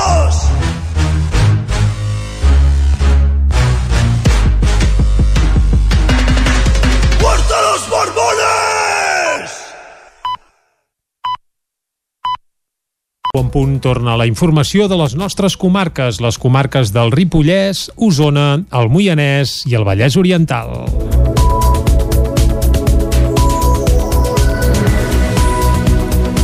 Comença una campanya electoral atípica, però amb molt de joc. L'acte breu i simbòlic d'inici de campanya electoral que va acollir la plaça Major de Vic aquest dijous és una mostra que el camí fins a les eleccions del 14 de febrer serà atípic. Els partits polítics que s'hi van reunir amb menys presència de militants que en d'altres ocasions van deixar clar que la majoria dels seus actes es faran en format virtual. En representació de Junts per Catalunya, l'alcaldessa de Vic i número 8 de la llista del partit va assegurar que l'objectiu és aconseguir un govern fort per iniciar la reactivació econòmica i avançar cap a la independència. Margarida Feliu, número 24 d'Esquerra Republicana, assegurava que sempre que hi ha urnes, Esquerra surt a omplir-les de vots per la República Catalana. Per la seva banda, Baixa Xanguerra, número 7 de la CUP, va expressar el repte de ser l'eina transformadora per portar la veu del carrer a les institucions. També hi van ser Marta Pascal, fundadora i cap de llista del Partit Nacionalista Català, Marta Moreta i Ramon Espadaler del PSC i Marc Parés d'en Comú Podem. També Eduard Olivan de Primàries Formació, que s'estrena a aquestes eleccions. L'Ajuntament de Vic està decidit a convertir els carrers de la ciutat en Ciutat 30 i els nous criteris s'aniran aplicant gradualment fins a l'estiu. El concepte de Ciutat 30 a Vic començarà a aplicar-se el proper mes de febrer i gradualment fins a l'estiu als carrers d'un sol sentit s'anirà incorporant la senyalètica perquè no s'hi pugui circular a més de 30 km per hora. La mesura anirà acompanyada d'altres canvis com la prohibició de circular per les Rambles del Bisbat i dels Montcada com ja s'està fent els dissabtes. L'objectiu final és la reducció de vehicles i d'emissions per fomentar una mobilitat més sostenible. A l'estiu ja s'ha d'haver acabat el període informatiu i ja se sancionarà qui no compleixi la nova norma, ho explica Fabiana Palmero, regidora d'Urbanisme de l'Ajuntament de Vic. Per tant, anem amb un projecte de pacificació de ciutat que pensem que és molt necessari i ara hem de mirar com ho regulem perquè eh, farem campanyes, eh, farem campanyes informatives i divulgatives i també haurem de multar eh, perquè lamentablement eh, fins que no paguem no prenem consciència de que hem de complir la normativa. I això no és un caprici sinó que va per millorar la salut de tots i en aquesta línia eh, estem treballant. En la mateixa línia, l'Ajuntament també preveu consolidar el carril bici de la Ronda Camprodon. Des que va començar la prova pilot, s'ha reduït el 40% del trànsit en aquest punt. Ara bé, falta concloure si això s'ha traduït en nous hàbits de mobilitat o si és fruit de la situació provocada per la pandèmia. El dubte ara és si el carril bici ha de ser lateral o central i estem sospesant també i dibuixant una alternativa de continuar amb el carril bici pel centre de la Ronda Camprodon amb les connexions a les Cruïlles. I sabem que això és polèmic perquè des del, des del món de la bicicleta no es vol. Nosaltres eh, no és cap decisió. Nosaltres estem sospesant totes les, les possibilitats en funció dels inputs que rebem. No només rebem inputs d'usuaris de, de bicicleta sinó també rebem inputs de comerços de, de vianants i d'incivisme de, de, de cotxes mal aparcats sobre el carril bici Col·lectius de ciclistes com Osona Bici suposen a traslladar el carril bici al mig de la calçada per motius de salut i seguretat. Tenen clar que el problema és qui ho fa malament amb el cotxe i no el carril bici. Comissions Obreres, el sindicat majoritari del Comitè d'Empresa de Girbau, ha denunciat que l'ERO que la setmana passada va anunciar l'empresa i que suposaria l'acomiadament de 76 treballadors és il·legal. Una setmana després que l'empresa bigatana Girbau presentés un ERO per acomiadar 76 treballadors, les reaccions no s'han fet esperar. En un comunicat a més aquest dimecres, Comissions Obreres, sindicat majoritari del Comitè d'Empresa, denunciava que la mesura és il·legal. Asseguren que la causa que esgrimeix l'empresa per justificar l'expedient és la pandèmia, un motiu pel qual, diuen, no és lícit presentar un ERO d'extincions. Sònia Domínguez és la presidenta del Comitè d'Empresa de Girbau per tota la memòria que hem llegit, de, tant tècnica com econòmiques, considerem que totes aquestes causes són conjunturals i que, per tant, no poden presentar aquestes causes com a un, una causa justificada per aquest d'ERO, perquè això eh, provoca la nulitat. Uh -huh. Per això considerem que és il·legal. És a dir, totes les causes que invoca l'empresa acabaran o nosaltres considerem que acabaran comportant la nulitat del, pro, del procés. El comitè d'empresa insta la direcció a buscar alternatives menys traumàtiques. Algunes de les seves propostes ja s'han exposat en les dues sessions de negociació que s'han dut a terme fins al moment. Jaume Corones és el secretari del comitè d'empresa de Girbau. I posarem eh, o sigui, totes les eines per això, o sigui, tal com deia la Sònia, no? de, de dir les baixes voluntàries, les prejubilacions, tot el, tot el que vingui per una banda, i, i per l'altra aquest joc de flexibilitat, mm. o bé si s'ha de fer, com també diem entre nosaltres, fer un híbrid, de fer una part i llavors fer un ERTO, perquè ara els ERTOs ja han hagut una pròrroga fins al 31 de maig i algunes, ja sentim alguns, alguns tamtants, no? alguns, algunes veus que diuen que potser s'acabarà allargant fins a 31 de desembre. Amb la voluntat de frenar els acomiadaments, el comitè té previst mobilitzar-se. L'acció més immediata es farà aquest divendres. D'una a 3 del migdia hi ha prevista una concentració de treballadors a les portes de l'empresa.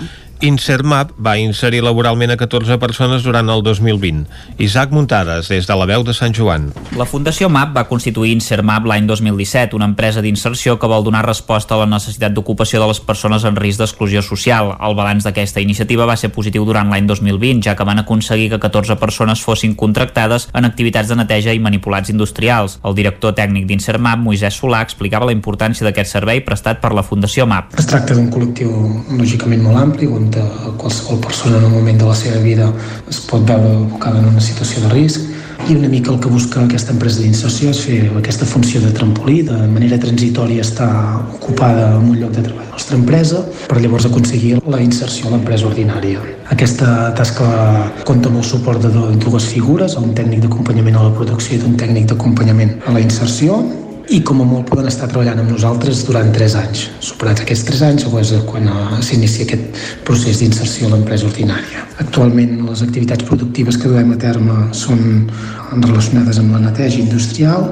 la neteja d'espais verds i espais públics i la recuperació de, de rebosada, on eh, es preveu que en els propers mesos acabem obrint una botiga aquí a Ripoll. Les 14 contractacions d'enguany han suposat un augment d'11 persones més respecte a l'any passat que s'han beneficiat. Actualment, el Ripollès compta amb el Centre Especial de Treball de la Fundació MAP i amb InserMAP per tal d'inserir sociolaboralment a les persones més vulnerables de la comarca.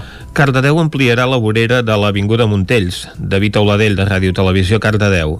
El proper dilluns 1 de febrer s'inicia la primera fase del projecte de reparació i ampliació de les voreres de l'Avinguda Montells. Concretament, la finalitat és aconseguir una secció de carrer formada per dues voreres de 2 metres i 40 centímetres d'amplada i una calçada que permeti la circulació de vehicles en els dos sentits, a més d'una banda d'estacionament. En aquesta primera fase s'actuarà a la vorera nord des del carrer Frederic Marès fins al carrer de la Farigola. Els treballs consistiran en l'enderrocament de la vorera actual, la qual cosa també implicarà la substitució dels pins que hi ha actualment per nous arbres de port petit de les variants de roure martinenc i liquidàmbar plantats intercaladament. L'actuació tindrà una durada de 5 setmanes i no afectarà el trànsit rodat. Posteriorment, en data encara per concretar, s'actuarà la vorera nord des del carrer de la Farigola fins al carrer de Romaní i a la vorera sud des del carrer Pau Gallardo fins al camí oest de l'Avinguda Montells. Els contenidors d'envasos i paper de Caldes de Montbui seran substituïts per models actualitzats. Caral Campàs, des d'Ona Codinenca. En les últimes setmanes, els serveis municipals han dut a terme les feines preparatòries pel canvi de model dels contenidors de la vila que començarà el pròxim 8 de febrer. Fins llavors, algunes de les àrees de recollida selectiva poden ser canviades de lloc, tot i que encara amb els recipients vells. Pels, pel que fa a la campanya de renovació, afectarà només els contenidors d'envasos i paper i cartró que seran substituïts durant els mesos de febrer i març. En concret, els 199 recipients actuals amb capacitats de 3 i 5 metres cúbics seran reemplaçats per 270 70 contenidors nous de 300, de 3 metres cúbics tancats per sota per evitar la sortida de residus i amb un sistema de càrrega lateral. D'aquesta manera, els nous elements permetran també una recollida de, de xalles més ràpida i freqüent abans de procedir a les tasques de substitució, però els tècnics estan realitzant les accions de preparació. En els pròxims dies es podran veure contenidors més separats als carrers de Caldes perquè ja s'està reservant l'espai que caldrà a l'hora de fer el canvi. També es duen a terme tasques d'adequació de l'entorn per fomentar el correcte sentit de recollida de residus i s'està canviant l'ubicació d'alguna àrea per poder disposar de l'espai necessari. Pel que fa als terminis d'actuació, l'Ajuntament ha previst començar la campanya de renovació el pròxim 8 de febrer per acabar-la el 3 de març.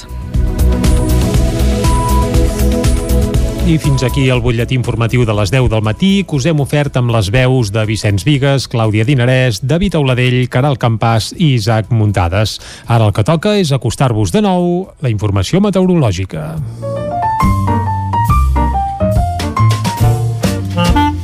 Casa Terradellos us ofereix el temps.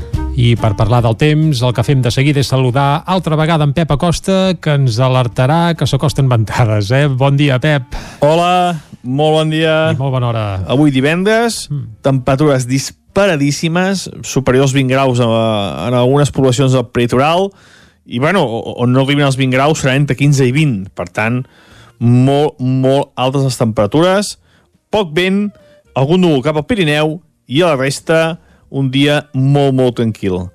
Demà ens afecta una perturbació. La Justin, eh, ja la tenim aquí sobre.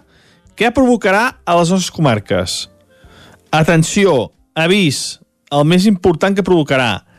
Vent. Molt important, molt important el vent que hi pot haver, sobretot a la Vallès Oriental i a Osona. També algun punt del Moianès. Vent de ponent, vent de oest, que pot bufar fort a molt fort. Mm, cap a Montseny, cop superior als 5 km per hora, eh, a llocs poc habituals, cops de 60, 70, 80 km per hora. Molt de compte, molt de compte amb el vent de mà. Provocarà alguna nevada cap al Pirineu, cap al Ripollès, molt, molt escassa, molt poca cosa, i intervals de núvols a la resta de les nostres poblacions, a les nostres comarques. I diumenge se'n va a Justin, temps molt més tranquil, el vent també fluixarà, el vent serà fort demà només, diumenge començarà a fluixar a poc a poc, a poc a poc, encara hi pot haver alguna, alguna ratxa una mica, una mica forta, però mica en mica diumenge el vent anirà fluixant, i marxaran els núvols, marxarà perturbació i el sol serà el protagonista. Dissabte les temperatures baixaran, Uh -huh. uh, respecte a avui almenys baixaran 5 o 6 graus a la majoria de les poblacions i diumenge es mantindran a línia de dissabte. És a dir, si avui tindrem temperatures de 21-22 graus demà la majoria quedaran per sota dels 15 i diumenge també. Es normalitzaran una mica les temperatures i diumenge molta més tranquil·litat molt bé, doncs perfecte, Pep, ja estem situats. Avui eh, calor, bé, calor entre cometes, evidentment, això no són les Terres de l'Ebre. Eh, demà vent, vent i baixada de temperatures i diumenge continuaria aquesta tònica pel que fa a temperatures i potser marxaria un pèl al vent. I Vicenç, eh, ventades que ja han començat una mica, eh, aquí als, a les nostres contrades. Doncs eh, sí, la veritat és que avui ja hi ha hagut fortes ratxes de vent, de velocitat eh, màxima doncs, fins als 67 km per hora a Núria o al Puigdesolles 60 a Viladrau, com ens comentava en Pep, a Bellmunt 54, a Collsospina 53, a Muntanyola 48, però també a Centelles, un punt més baix, doncs ventades de, en, de 50 km per hora de velocitat màxima han arribat avui. Que això és eh, déu nhi I les temperatures sí. també la, han set molt altes, les mínimes, no?, per comentar-ne alguna, la més alta de totes, on ha fet menys fred, a la Gleva, que A la Gleva. el termòmetre no ha baixat dels 11 graus. Doncs això els un mes 10... de gener és inaudit, eh, gairebé. I tant, els 10 de Centelles. Uh -huh. Altres punts eh, emblemàtics per la seva situació, per la temperatura, 9 de temperatura més baixa a Tagamanent. 7 a Caldes de Montbui o a Viladrau, 6 a Bellmunt, a Perafita i a Caralps, 5 graus de mínima a Molló o al Puigsesolles, 3 a Sant Pau de Segúries, 2 a Núria i eh, si anem pels llocs més freds, si et demano on ha fet més fred, tu em diràs... Sant Sadurní d'Usur mort. Doncs no, No. avui no. Val, Avui doncs- no és el lloc on ha fet més fred, tot i que n'ha fet més que ahir. Val. I on és? N'ha fet més que ahir. Aviam. Les temperatures més baixes. Eh, les mínimes més baixes, 1,7 graus a Ull de Ter, 1,2 a Sant Sadurní d'Usor Mort, ahir es van Oh. quedar un grau i mig, i un grau a Camprodon, és el lloc on ha fet més fred avui. Uh, ja veiem que no ha gelat en lloc per No, això. senyor, igual que aquests últims dies. Però, vaja, anava a dir temperatures gairebé de primavera. Sí, senyor. I amb aquestes temperatures el que toca ara és anar cap a l'entrevista. Doncs anem cap a l'entrevista. Anem-hi. Casa Tarradellas us ha ofert aquest espai. Territori 17. Envia'ns les teves notes de veu per WhatsApp al 646 079 023. 646 079 023. WhatsApp Territori 17.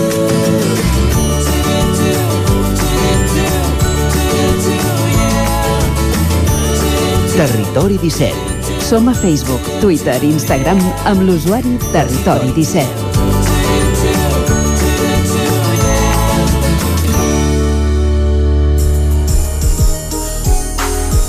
Ara mateix és un quart d'onze. Elvira Garcia és una infermera que ha estat duent a terme aquests últims mesos un treball de camp per incrementar el benestar emocional del sector sanitari, molt tensionat, a conseqüència dels esforços que han de fer per combatre la pandèmia en primera línia. L'Elvira Garcia organitza també un eh, programa formatiu pels professionals aquests dies i el que fem ara és parlar amb ella perquè doncs, ens il·lustri quina és la situació, com està vivint el sector sanitari aquests temps tan complicats. Bon dia, Elvira. Bon dia, Vicenç, què tal? Molt bé, en, en plena pandèmia eh, tu doncs, decideixes que has de fer alguna cosa pel, pel teu col·lectiu, no? I per resoldre aquesta situació emocional tan tensa que han de viure els professionals de la sanitat. Exacte. Ja en la primera ola de la pandèmia vaig eh, decidir d'aportar el meu gra de sorra en aquesta pandèmia, eh, en el sentit de, bueno, veient com estàvem a nivell emocional en aquell moment també, no? de, de tot el, eh, bueno, també frustració, angoixa, patiment, també la pressió que teníem i a banda d'això també pues, l'esgotament que vam començar a tindre mm, després de dos mesos treballant no? enfront a la Covid, vaig fer, com bé has dit, un, un treball de camp, de fer una enquesta per saber les necessitats que tenim els professionals sanitaris per afrontar aquesta pandèmia i com es, ells estaven cuidant, sobretot, per poder millorar el nostre benestar físic i emocional. Mhm. Això va ser la primera part no, de, del projecte. Uh, aquesta, uh, aquest treball de camps uh, s'ha fet doncs, en, en l'àmbit català en, uh, i han col·laborat professionals a tot Catalunya?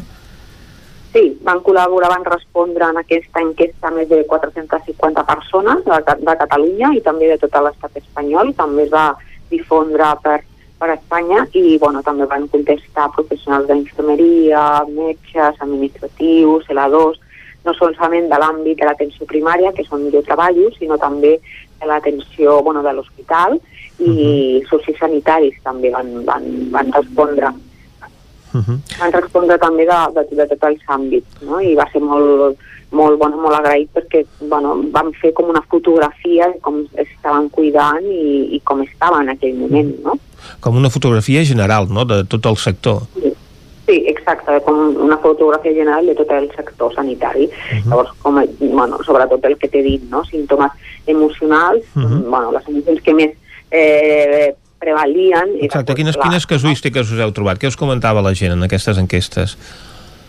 Sí, sobretot eh, que estaven això, no? Pues també la, la, el tema de la- de l'esgotament, de, la, la, la preocupació per, bueno, en aquell moment de, del maneig no? de la Covid, uh -huh. en aquell moment doncs, bueno, teníem més incertesa, ara tenim més, eh, més bagatge no? sobre el maneig, però en aquell moment la, la preocupació, la falta de material en aquell moment, l'ansietat la, també, eh, hi havia molts símptomes emocionals, però també la por, no? la por i el temor era també una altra, i després com a símptomes físics eh, era l'esgotament, uh -huh. també problemes amb el son, amb la son, insomni, dolors musculars, eh, cefalees, també, clar, quan no manegues bé les emocions, això també se somatitza en el cos. Uh -huh. I això és molt important de, de treballar, perquè moltes vegades els, els programes que n'hi ha solament hi ha un, un maneig de l'impacte emocional, però no es treballa la part del cos. Uh -huh. Això és molt important també integrar-ho en la formació. Llavors també, a part d'això, també li vull, vaig voler preguntar què feien per poder manegar aquestes emocions, si faltava eines, i també la part de l'alimentació, com es estaven cuidant, com es estaven nodrint. Uh -huh. eh, això, molt important també.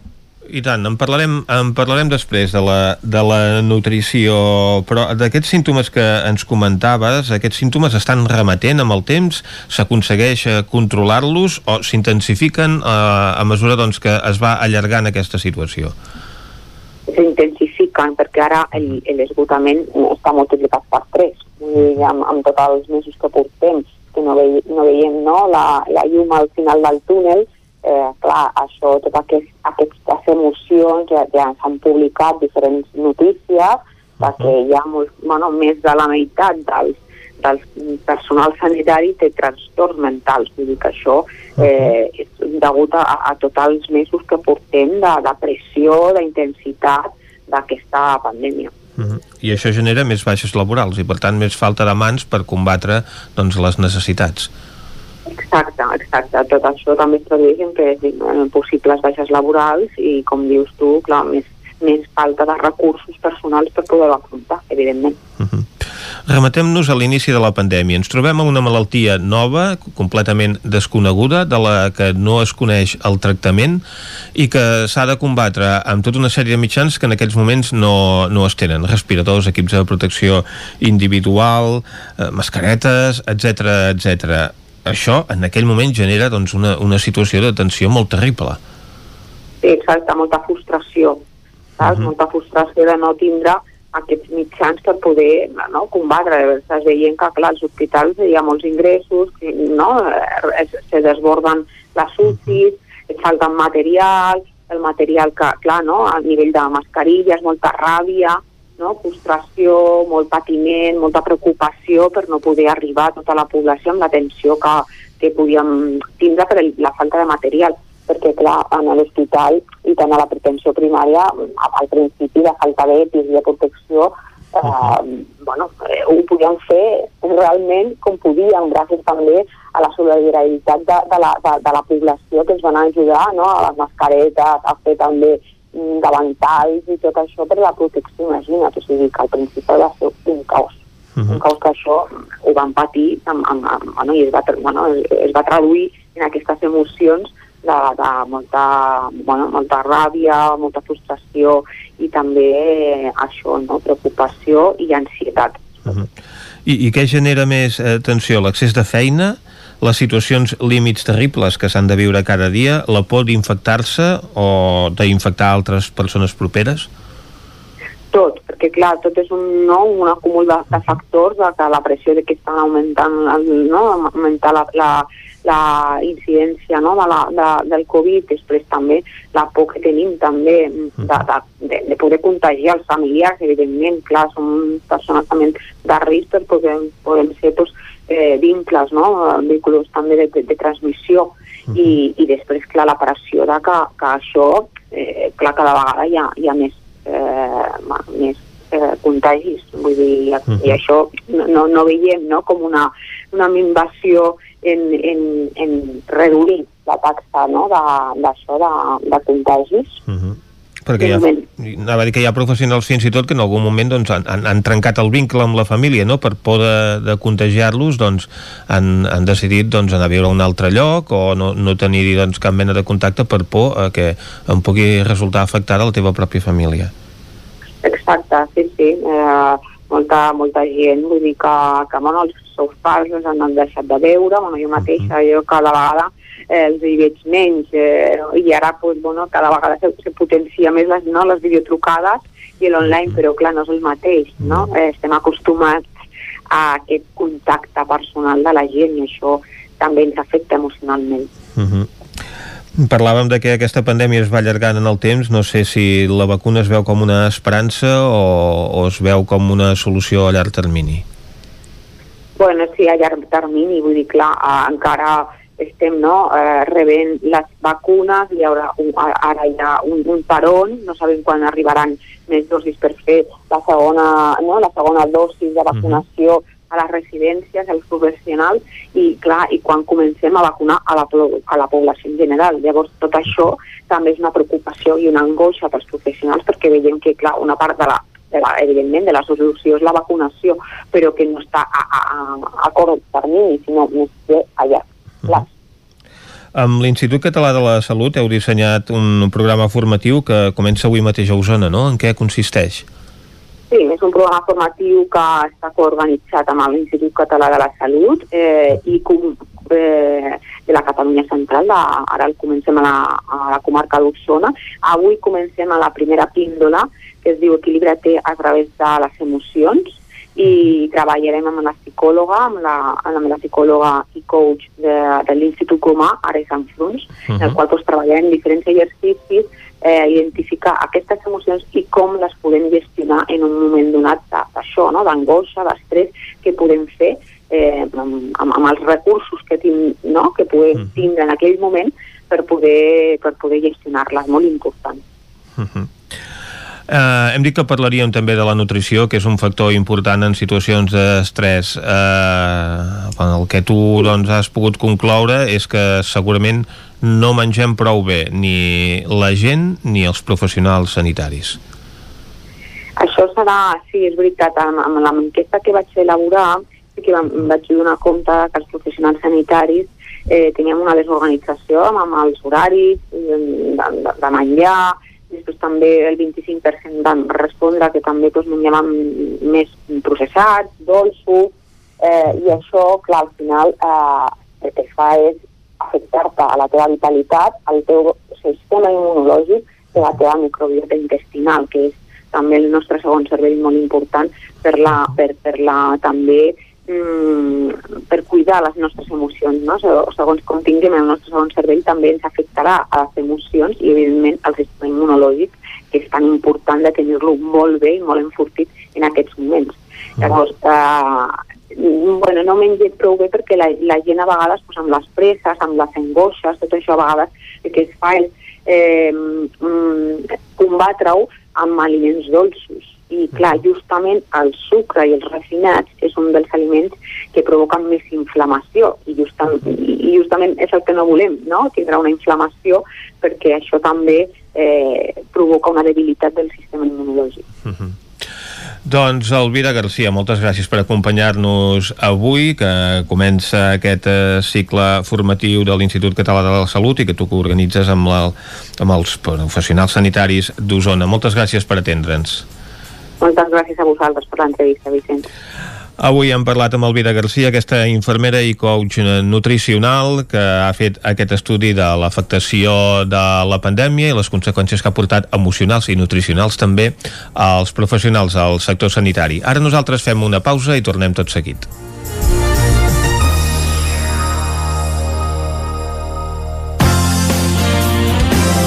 El nou FM, la ràdio de casa, al 92.8. La Fogonera, resistència gastronòmica. És un restaurant? És un rostidor? És La Fogonera, la cuina en directe des de GURB, on encarregues, ho vens a buscar i ara també t'ho portem a casa. La Fogonera, resistència gastronòmica. Ara, amb la fogonera de dia, amb aperitius, arrossos, segons plats i postres. I quan cau la nit, ens transformem en un popurri culinari. Burgers, pizza, pasta... Truca al 93 851 55 75 o entra a lafogonera.cat. La Fogonera, el teu aliat gastronòmic. Cocodril Club. Si t'agrada la bona música dels anys 60, 70 i 80, escolta el 9 FM als matins de dissabtes i diumenges d'11 a 1. És el temps del Cocodril Club, tot un clàssic de la ràdio, amb les bases del pop-rock, les llegendes, les cançons que s'han convertit en autèntics himnes. Recorda, dissabtes i diumenges al matí, d'11 a 1, al 9 FM 92.8. Cocodril Club, el programa revival de l'Albert Malla. Hasta luego, cocodrilo. Hi ha una màgia que no té truc. És la màgia de compartir una estona amb algú i parlar-hi. Vols practicar el català o ajudar algú a parlar-lo? Apunta't al Voluntariat per la Llengua, al programa de les parelles lingüístiques a vxl.cat. Perquè quan parles, fas màgia. Generalitat de Catalunya. 100 milions... Anuncia't al 9FM. La màquina de casa. 9 3 8 8 9 4 9 4 9. Publicitat arroba al 9FM.cat. Anuncia't al 9FM. La publicitat més eficaç. Només pensar en passar aquesta nit sense calefacció amb aquest fred? No es preocupi, hem analitzat a fons la caldera i de seguida quedarà reparada i en funcionament. Quan tingui un problema amb la seva caldera, vagi directament a la solució. Truqui sempre al Servei Tècnic Oficial de Saunier Duval i despreocupis, perquè som fabricants i coneixem les nostres calderes peça a peça. Informis a Oficiat Nord trucant al 938860040. Saunier Duval, sempre al seu costat. A Vic, T52. Solucions personalitzades. Dissenyem i produïm màscares personalitzades per a empreses, clubs o col·lectius a partir de 10 unitats. Disposem de dissenys propis per a particulars. Aconsegueix fins a un 30% de descompte. T52. Ens trobareu al centre, al carrer 941 i també a l'Horta Vermella, al carrer Menéndez Pelayo 31. Més informació a t52.cat. El 9 FM. La ràdio de casa al 92.8.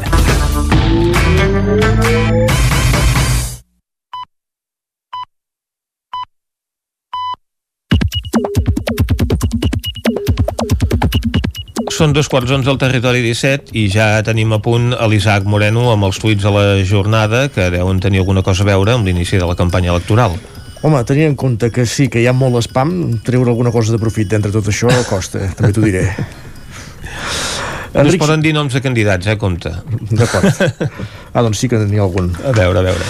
Enric Xicoi, periodista, professor universitari. En un país, que, en un país, Catalunya, teòricament punter en noves tecnologies i gairebé un any després de començar aquesta nova etapa virtual, trobo que la qualitat dels vídeos que s'emeten als informatius televisius són majoritàriament de moltíssima baixa qualitat. És el que tenen els professors, que sempre donen lliçons. Oh, i tant. Anna Pont, estem normalitzant situacions que ens haurien de posar els pèls de punta, com que algú vagi a la presó per cantar una cançó que diu veritats com temples, i això només és la punta de l'iceberg. Francesc Mateu, director d'Intermón Oxfam, resident a Centelles, aquest cop piula en castellà, diu com que... Ah, no, perdó, en català. Ah. Com que només sembla que existeixi el Covid, passen desapercebudes notícies importants, encara que ens quedi teòricament lluny. Creada la primera reserva mundial de la vacuna contra l'ebola. I en aquest cas comparteix la informació en un post de Metges Sense Fronteres del qual doncs n'ha format part. La Cristina Herrera es fixa en un tuit que repiula de l'usuari Cristian de Sagasta que diu Twitter és aquell lloc on confesses que acabes d'assassinar tota una família i algú et contesta que assassinar s'escriu amb dues S. I l'Herrera que diu exactament. Ja que estem en temes lingüístics, Josep Lluís Garcia Trasillo és una paraula ben estranya que no lliga gens amb el seu significat, un invent fora de lloc o en Jordi Ramolins que diu jureu-me que el responsable de dir la paraula gimcana així en majúscules, està encara en presidi o acabaré aquest gener cardant una bestiesa. Ara, pla. No digueu més gincana davant les orelles de Ramolins. Uh, l'usuari Aromai 1640, que es diu Albert, diu Estic buscant feina per la zona de Vic, etiquetar, pesar i embolicar palets 6 anys a una empresa de congelats. No sóc de fer aquestes coses, però em veig amb l'obligació. Us agradaria que féssiu retuit. Gràcies. Queda dit, doncs. Exacte. Ima Puigcorbé, ramadera de les Lloses, mira, fem, mira femtes al terra i com caguen els vedells mentre poses menjar, fas jazz o neteges abeuradors. D'això se'n diu aprofitar el temps i per veure futurs problemes. A pagès, el temps és or. A pagès el temps passa diferent, això sí. En Guillem Remis es fixa també en un tuit del 324, un titular del 324, diu un altaveu, una ampolla d'aigua, una tovallola, un ventilador i un cartell que diu tinc pipí barra fa calor. El kit per gaudir dintre d'una bombolla de plàstic anticovid del concert que ha fet una banda d'Oklahoma. I amb remisa que diu doncs a mi també m'havia passat pel cap, però penso que amb un casc tipus submarinista n'hi hauria prou. Doncs ja quan anem a concerts d'en de, Remisa amb un casco amb un cas submarinista, si li agrada gaire o no. Clar, d'aquesta manera es pot aplaudir o ell pot sentir els aplaudiments però mm, no sé si el contacte amb les mans també seria, seria. un tema que pot generar contagis. I acabem amb una pilota de la Teresa Rossell. Vas dir que no es poden dir noms de candidats però sí que se'n deu de poder dir de, de ministres, oi? Sí, sí, es pot doncs dir el que es vulgui. Amb una mica de sort, Miquel Iceta farà el camí de Celestino Corbacho i acabarà la Diputació de Barcelona per acabar de cotitzar. Home, i en Celestino Corbacho després va acabar eh, a les files de la llista d'en Valls i a l'Ajuntament de Barcelona. Exacte. Uh, bé, uh, la veritat és que uh, un cop deixes el Ministeri tens un temps de pensió per viure a la mar de bé. Carai. I amb, amb 60 anys, eh, potser, qui sap si aquest serà el seu últim destí polític o no de Miquel Iceta, això no, no se sap mai, però, però bé, en tot cas, eh, el Ministeri és una gran dot. Doncs va, som-hi, anem a repassar portades, Anem edició digital del 99.cat Osona i el Ripollès, comença una campanya electoral atípica però molt en joc, un cau de bruixes testimonial, expliquem com serà aquest any el cau de bruixes, evidentment allunyat d'aquells caus de bruixes amb molt Tan multitudinaris que hi havia centelles, eh? Correcte. Manlleu celebrarà el 40 aniversari de l'Escola de Música, ho agradeix una gent després de caure begut amb el patinet al mig de Vic. Bé. Anem ara al que diu el 9-9 del Vallès Oriental. Diu, detingut un jove a la Garriga per trencar els vidres d'una parada de bus a cops de pedra. Lliçà damunt crea una oficina específica per les ajudes per la Covid-19. Una desena de cases de Cànoves i Palau Tordera mantenen afectacions pel temporal Glòria un any després i Granollers canvia 7 punts de votació per reduir el risc de contagi en les eleccions del 14 de febrer. Molt bé, moltes gràcies, Isaac. Nosaltres ara anem a parlar de l'inici de la campanya electoral a la taula de redacció. Bon dia. Territori 17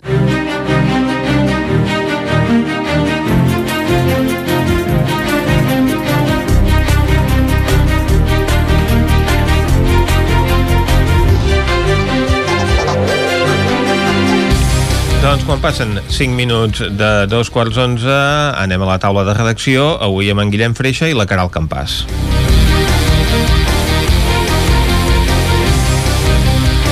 Comencem eh, en primer lloc parlant, Guillem, del que dèiem de l'inici de la campanya electoral. Bon dia.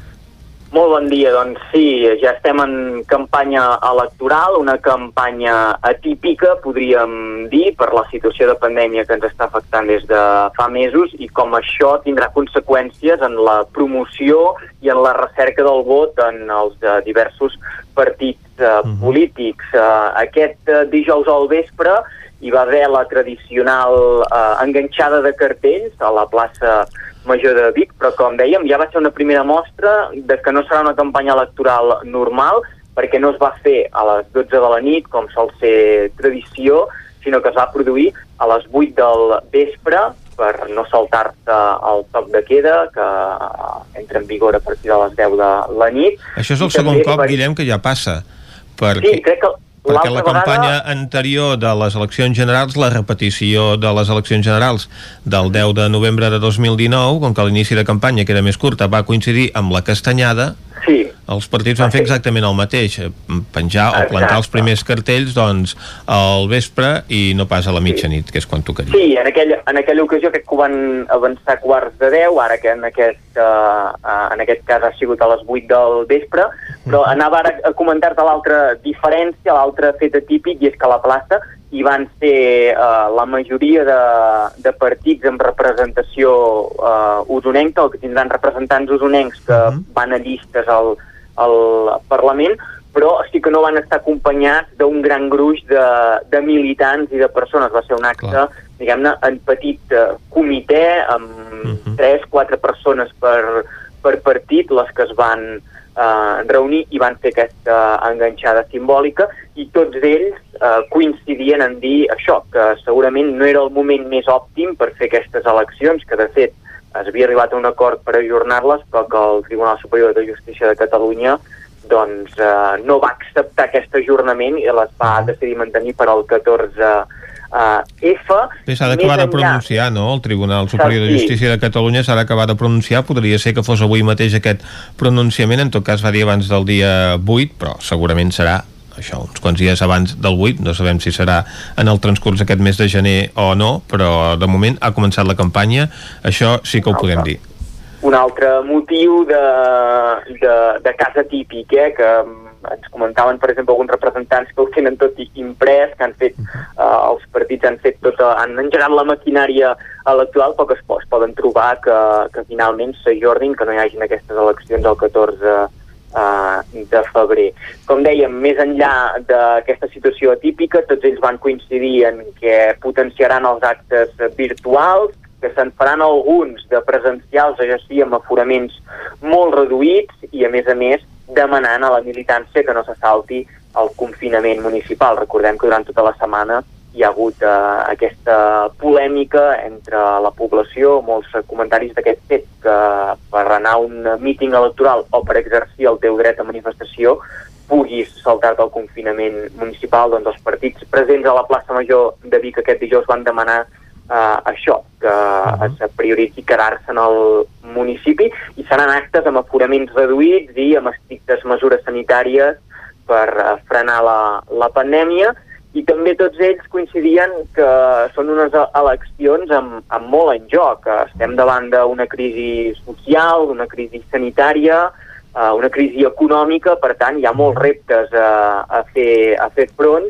i les haurà d'afrontar el partit o la coalició o qui acabi, o que, qui acabi sortint guanyador, qui pugui acabar formant govern a partir del 14F si s'acaba fent aquestes eleccions. A la plaça Major, com dèiem, vam tenir representants de la majoria de partits que porten usonencs a les seves llistes. No hi van ser el Partit Popular i Ciutadans, que sí que tenen noms d'usonencs eh, en les llistes, però no van ser presents en aquesta plaça Major de Vic i com dèiem, eh, Esquerra, Junts per Catalunya, els socialistes, en Comú Podem, el PDeCAT, el Partit Nacionalista uh, Català, amb, amb Marta Pascal, també la, la CUP. La seva cap de llista, no?, que a més a més ha canviat d'imatge per aquesta campanya. Sí, sí, sí, va ser una mica la seva posada en públic d'aquest canvi d'imatge de Marta uh, Pascal, um, que ens declarava això, eh, que amb molta il·lusió i conscient que la comarca d'Osona per ell és un, un punt estratègic ja que esperen sumar-hi molts uh, suports. Junts per Catalunya i Esquerra amb aquest objectiu de, de guanyar, deien que sortien a, a guanyar aquestes eleccions, a fer un govern fort per afrontar tots els reptes que té Catalunya i caminar cap a la independència. Des d'en Comú Podem doncs, demanaven posar fi uh, a una entesa entre Junts per Catalunya i Esquerra que s'ha demostrat que no ha funcionat i reclamaven uh, fer polítiques progressistes amb un govern progressista a la coalició de Jessica Albiach, que queda representant a Osona eh, Marc eh, Parés com a número 7. Des de la CUP també reclamaven ser la veu del carrer al eh, Parlament, portar aquesta veu del carrer al Parlament. El PDeCAT, amb la santallenca Àngel Sobirats, doncs, eh, començar a reconstruir el país, recuperar el prestigi i des del Partit de Socialistes de Catalunya la dupla Marta Moreta i Ramon Espadaler van ser els uh -huh. qui van intervenir a la plaça Major i també comentaven acabar amb el desori d'aquests últims anys i començar a reconstruir, a reformar eh, el país en un moment complicat i també hi tenien present els representants de primàries, aquesta uh, agrupació política, a través d'Eduard Olivan, número 22 de la llista,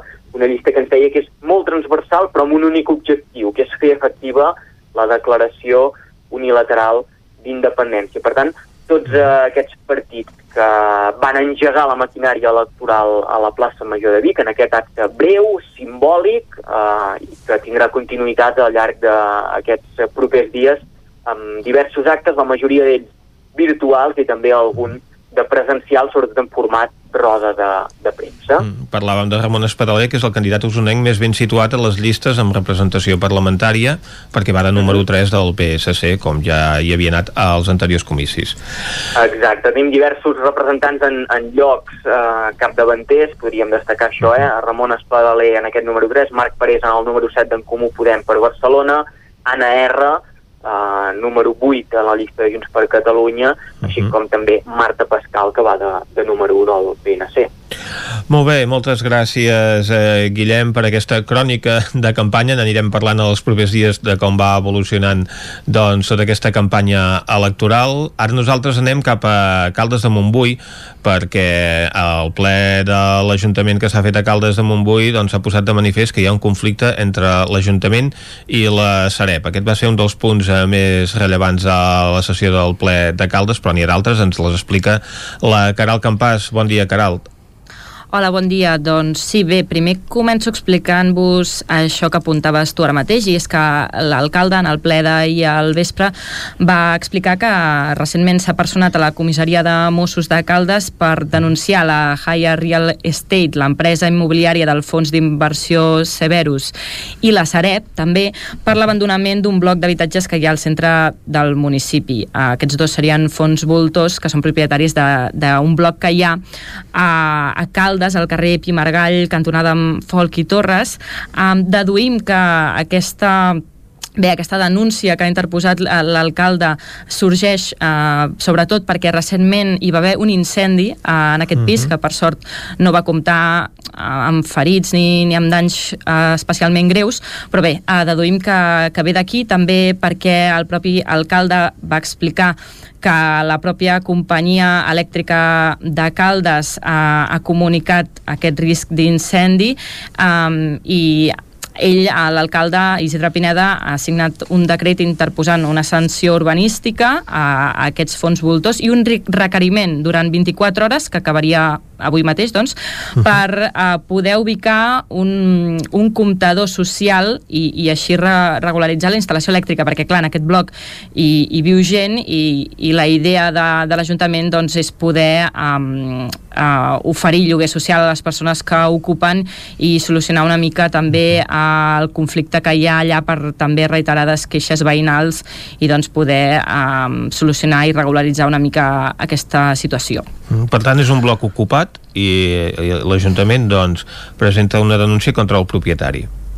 Exacte, és un bloc, com deia, ocupat eh, des de fa molt de temps. Uh -huh. eh, no sabem ben bé quantes persones hi, hi viuen, però, però bé, sí que sabem que, que hi ha problemes doncs, amb, amb l'electricitat, que la uh -huh. companyia elèctrica n'és conscient i que la intenció de l'Ajuntament és, és posar-hi doncs, un comptador elèctric social i així regularitzar doncs, aquesta instal·lació i intentar solucionar una mica eh, doncs, el, el conflicte que hi ha i també vetllar per, per la vida de, de la gent que, que ocupa el bloc. Uh -huh.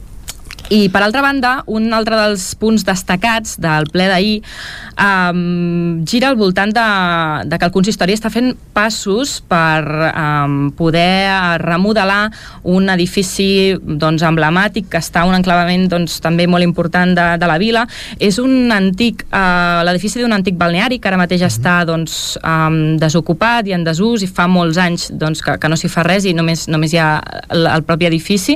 Um, aquest antic balneari doncs, està al costat de les termes romanes, al, al casc antic, i també al costat de la sala noble de Can Rius, és, diguéssim, el, el nom de l'edifici és l'antic balneari de Can Rius, uh mhm. -huh. i en aquella zona doncs, ja fa temps que s'està intentant dinamitzar l'entorn, fer millores a l'entorn. Llavors, el que els hi queda és um, poder donar un altre ús a aquest edifici d'aquest antic balneari, i uh, llavors el que proposen des del consistori és que aquest espai que us comento que té més de 5.000 metres quadrats um, doncs la idea és uh, ubicar-hi 23 pisos habitatges socials, també una cafeteria, aprofitar també per ampliar una part del Museu Termàlia que està al costat. També la idea és ubicar-hi doncs, un mercat, un petit mercat municipal i tot això amb un pressupost de 6 milions d'euros. És, és un, estem parlant d'un dels projectes doncs, més ambiciosos que s'ha plantejat mai al consistori i, i bé, ahir al ple municipal van aprovar provisionalment el Pla Especial Urbanístic d'Usos què va passar? Doncs que tots els grups de l'oposició van està, estan d'acord en que, que s'hi ha de fer alguna cosa, però no acabaven d'entendre per què s'aprova doncs, aquest pla especial amb tots aquests usos. No? Ells, ells creuen que no se'ls ha tingut en compte a l'hora de, de, de crear aquest projecte, es va, se'ls va presentar per Junta de Portaveus, però tots els grups de l'oposició coincidien en dir que no se'ls ha fet eh, partícip, partíceps ni a ells i també ni a la, a la ciutadania. Llavors, eh, bé, el Isidre Pineda, l'alcalde, va, va replicar doncs, que, que creu que que és positiu que, que es pugui aprovar provisionalment aquest pla especial urbanístic de tots aquests usos per després, si es vol, doncs, treure'n o, o reduir-ho. Però ell considerava que, que està bé tenir-los tots per després, posteriorment, doncs, poder acabar de decidir quins són els que realment s'hi faran. Mm -hmm. Molt bé, doncs, moltes gràcies, Caral. A vosaltres. Tanquem aquí aquesta taula de redacció avui amb la Caral Campàs i en Guillem Freixa. Territori 17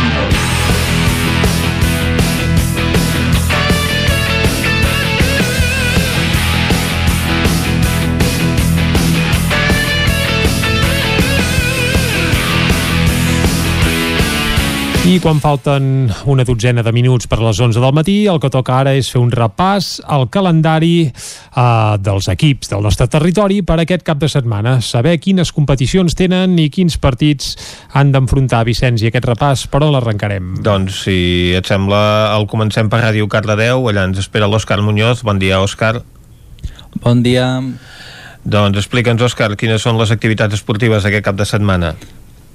Doncs comencem amb les noies del CAC 7 uh -huh. del balonmano Granollers doncs que van guanyar dilluns el partit d'anada de la Copa del Rei de la Reina per 28 a 38 uh -huh. contra l'Atlántico Pereda de Santander i que la, la tornada, en teoria la més plàcida de la segona fase de la Copa de la Reina, es jugarà aquest dissabte al Palau d'Esports a Granollers a partir de dos quarts de cinc, doncs això, la tornada de la Copa de, de la Reina. Uh -huh. La victòria de dilluns i la tranquil·litat del resultat d'anada fan que les jugadores es motivin, ja que després d'una ratxa negativa tant com la derrota de Gijón com l'empat a Gran Canària, eh, l'entrenador havia comentat que les jugadores s'havien convidat una miqueta. Així que, mhm. -huh.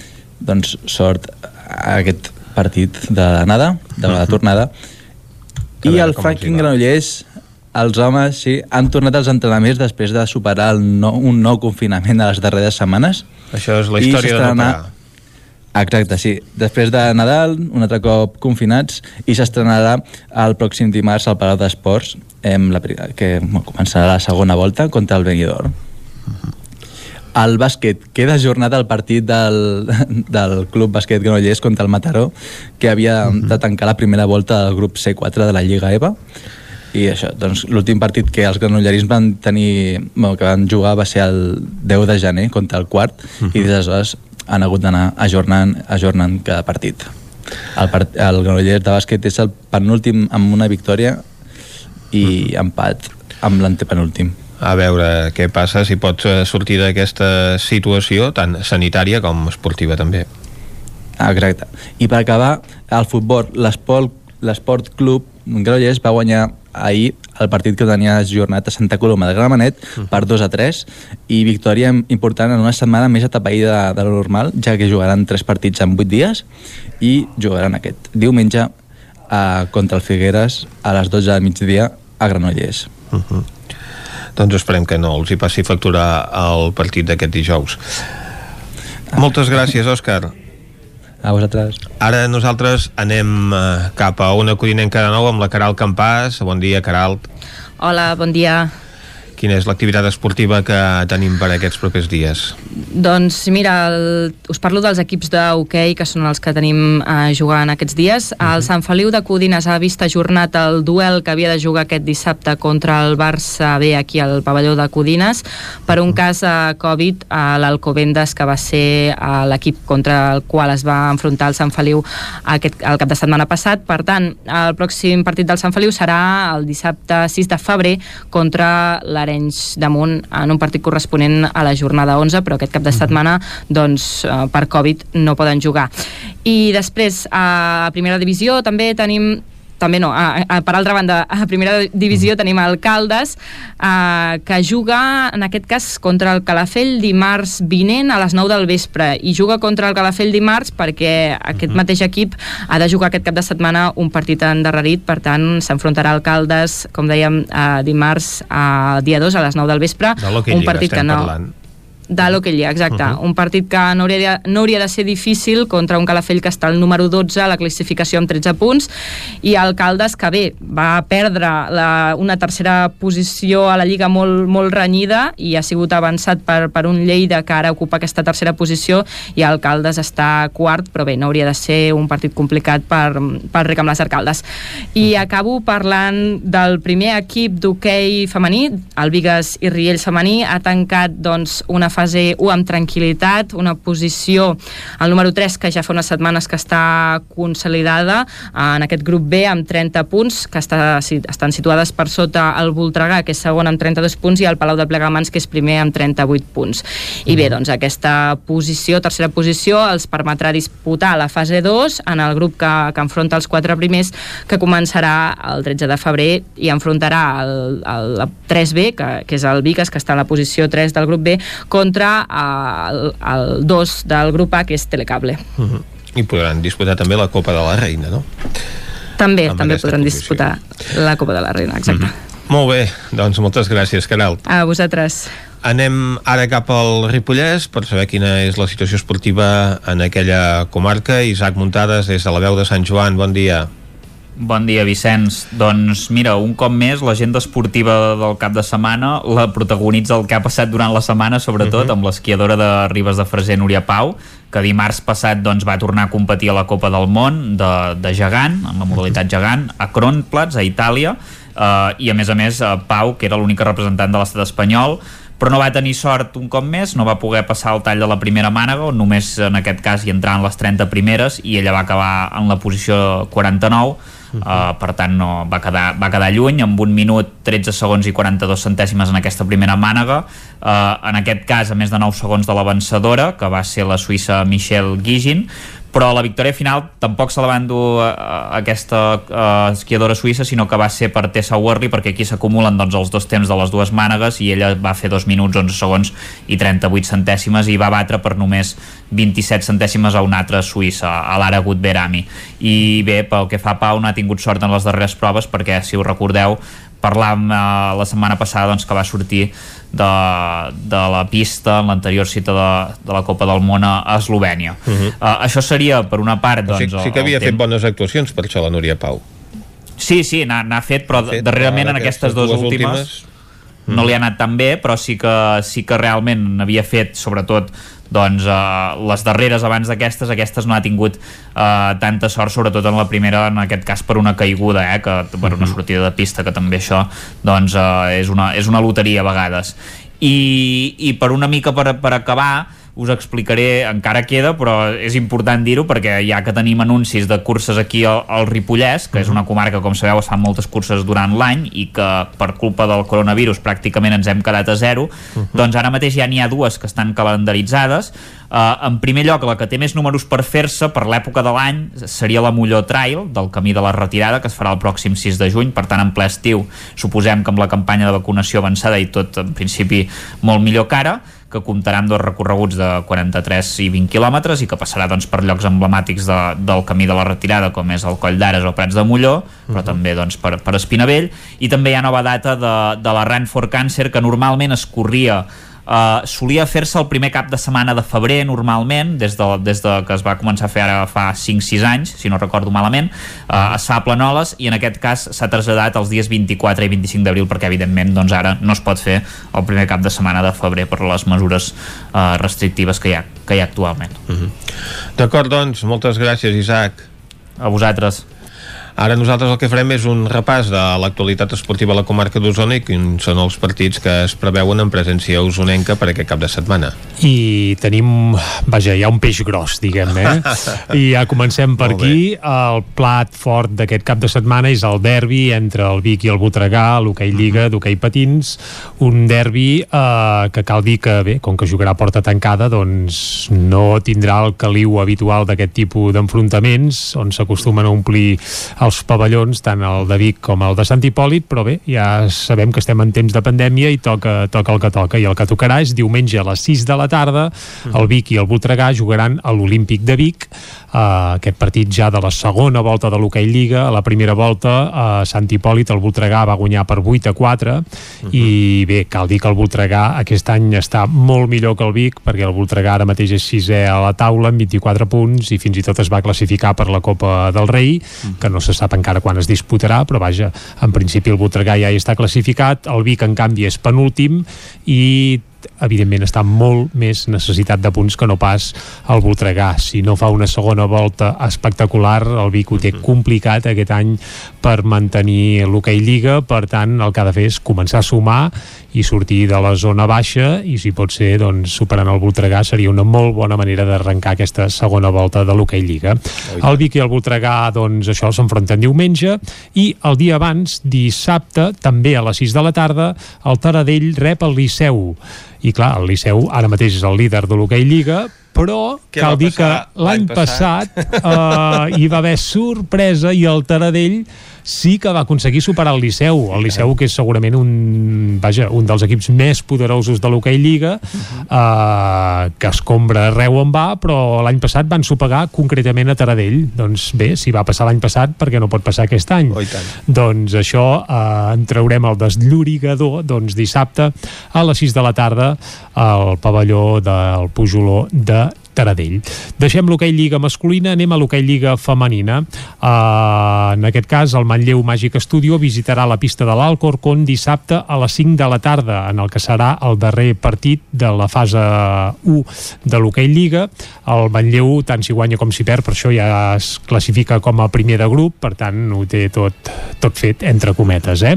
Acabem el repàs a l'hoquei, parlant de l'hoquei Lliga Plata, la segona divisió de l'hoquei estatal, i és que el Manlleu amb Botit Rebrà el Vilafranca. Això serà dissabte a les 8 del vespre. Aquest partit també és molt rellevant perquè ara mateix el Vilafranca és eh, primer de l'hoquei Lliga, el Manlleu és segon i evidentment si guanya el Manlleu doncs es posarà primer de l'hoquei Lliga Plata, si no doncs el Vilafranca continuarà encapçalant la classificació. Recordem aquest partit dissabte a les 8 de la tarda. Uh, més coses. Anem ara a futbol. Ja sabeu que els vaja, en l'àmbit estatal continuen actives les competicions i nosaltres hi tenim un parell d'equips. El juvenil del Manlleu juga a, a la Lliga Nacional, concretament al grup 7, i aquest dissabte a dos quarts de quatre de la tarda rebrà la grama. El Manlleu, que és penúltim i que si vol sortir de la zona baixa doncs ha d'espavilar i començar a sumar. I acabem amb el Vic Riu Primer, que juga la primera divisió nacional femenina del futbol, concretament el grup 3, Dissabte a la una del migdia el Vic Riu Primer rebrà el Saragossa B i eh, doble jornada diumenge han de visitar a les 4 de la tarda el Balears. Per tant, cap de setmana intens per les jugadores del Vic. Uh, ara el que toca és tancar aquí l'agenda esportiva, mm -hmm. Vicenç, Molt bé, i sí. si et sembla, doncs això, anirem al butlletí informatiu de les 11 del matí. Doncs sí senyor, perquè ara mateix són les 11 en punt. Anem-hi. I a les 11 en punt, el que torna és la informació de les nostres comarques, les comarques del Ripollès, Osona, el Moianès i el Vallès Oriental. Territori 17, amb Vicenç Vigues i Jordi Sunyer.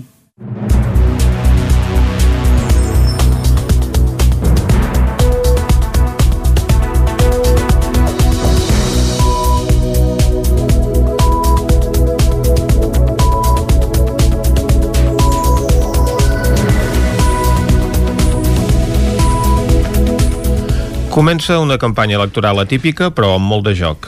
L'acte breu i simbòlic d'inici de campanya electoral que va acollir la plaça Major de Vic aquest dijous és una mostra que el camí fins a les eleccions del 14 de febrer serà típic.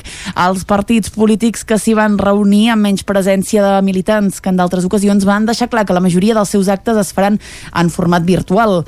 En representació de Junts per Catalunya, l'alcaldessa de Vic i número 8 de la llista del partit Anna R assegurava que l'objectiu és aconseguir un govern fort per iniciar la reactivació econòmica i avançar cap a la independència dia.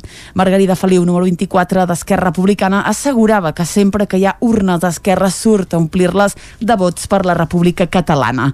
Per la seva banda, Baixa Xanguerra, número 7 de la CUP, va expressar el repte de ser l'eina transformadora per portar la veu del carrer a les institucions. També hi van ser Marta Pascal, fundadora i cap de llista del Partit Nacionalista Català, Marta Moreta i Ramon Espadaler del PSC i Marc Parés d'en Comú Podem.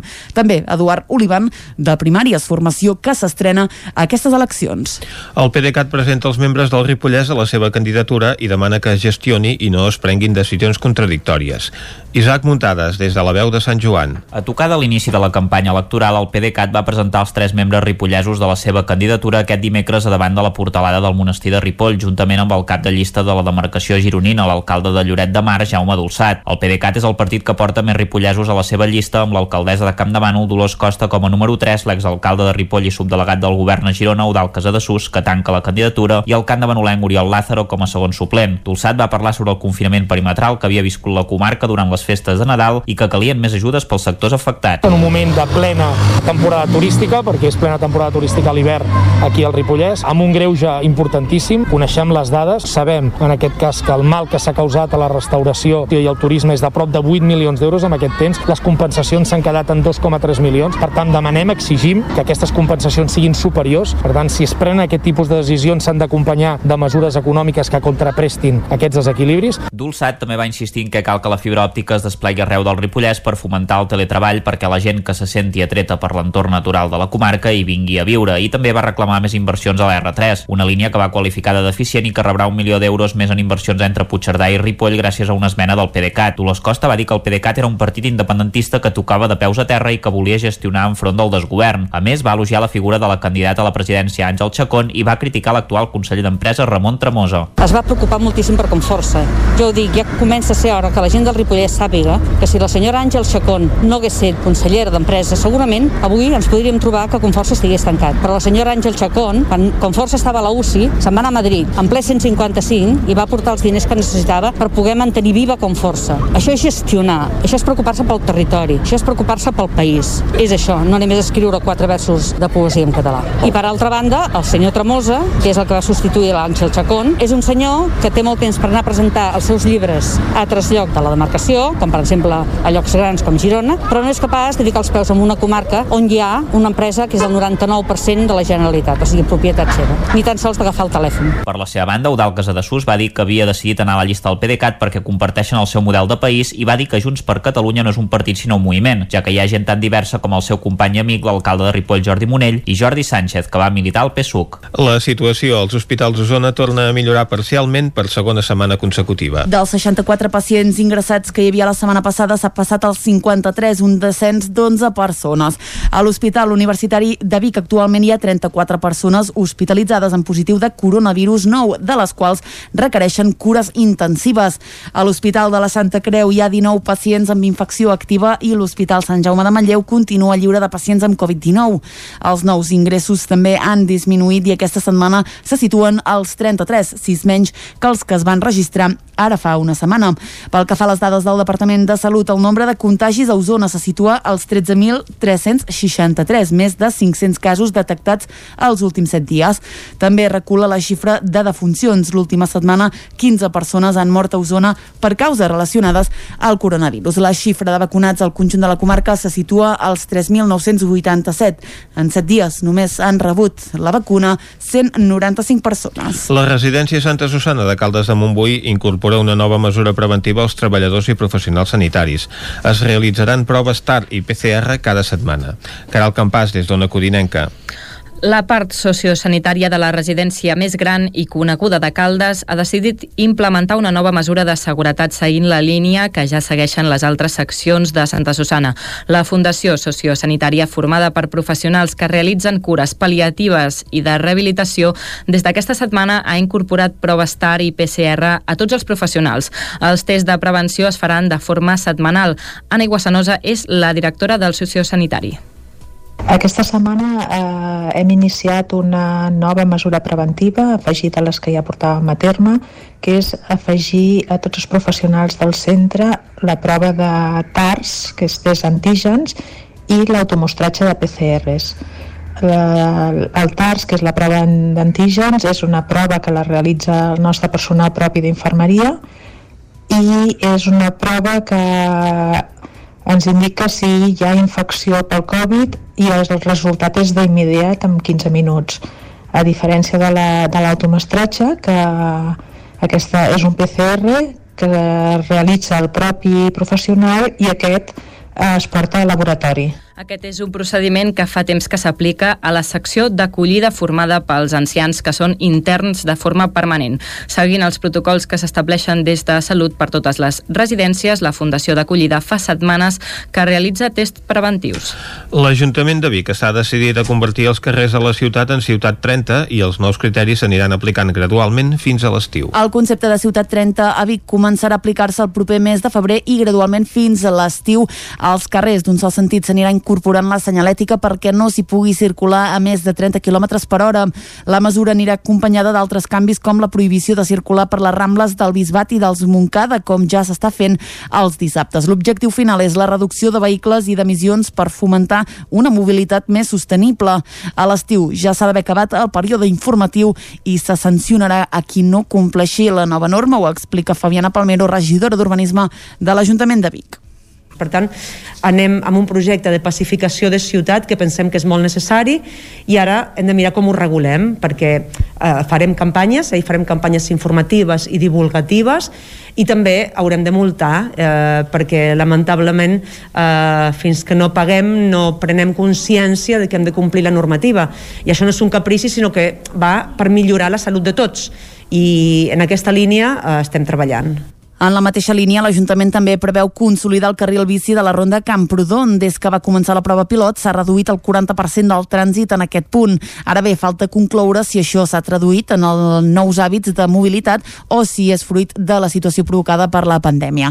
El dubte ara és si el carril bici ha de ser lateral o central i estem sospesant també i dibuixant una alternativa de continuar amb el carril bici pel centre de la Ronda Camprodon amb les connexions a les Cruïlles. I sabem que això és polèmic perquè des del, des del món de la bicicleta no es vol, nosaltres eh, no és cap decisió, nosaltres estem sospesant totes les, les possibilitats en funció dels inputs que rebem. No només rebem inputs d'usuaris de, de bicicleta, sinó també rebem inputs de comerços, de, de vianants i d'incivisme de, de, de cotxes mal aparcats sobre el carril bici.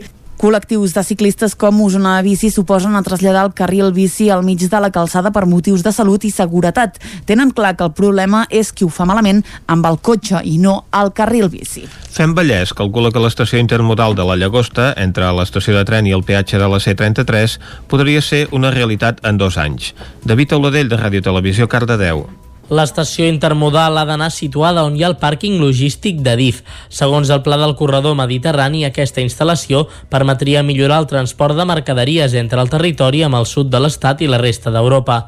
Des de Fem Vallès calculen que amb una inversió per part de DIF de 10 milions d'euros aquesta estació podria ser una realitat amb les vies corresponents i els sistemes de control una inversió que es recuperaria ràpidament en generació d'activitat econòmica i que afectaria les empreses d'un radi prop de 100 quilòmetres al voltant del territori. Manel La Rosa, de la Junta Fem Vallès. Llavors necessita una, un espai rectilini molt llarg on es pararia el tren.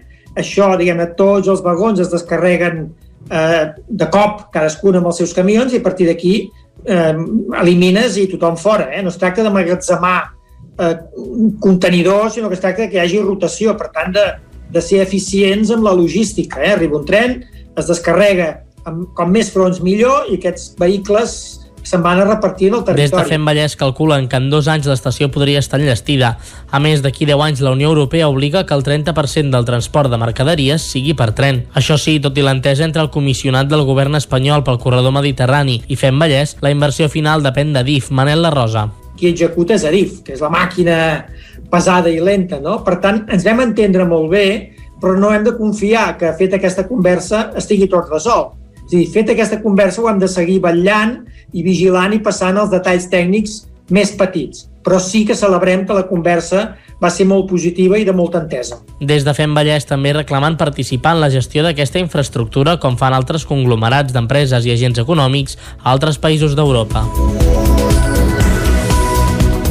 I fins aquí el butlletí informatiu de les 11 que us hem ofert amb Vicenç Vigues, Clàudia Dinarès, David Auladell, Caral Campàs i Isaac Muntades. Ara un breu parèntesi i de seguida Uh, sabrem què ens porta avui en Jaume Espuny, que cada divendres ens acosta algun clàssic musical d'aquells que han fet història. Descobrirem d'aquí 33 segons quin és. Fins ara.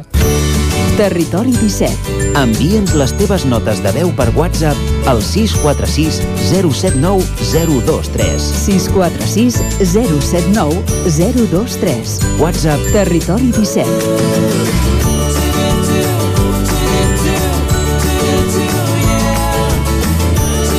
Territori 17. Som a Facebook, Twitter i Instagram amb l'usuari Territori 17.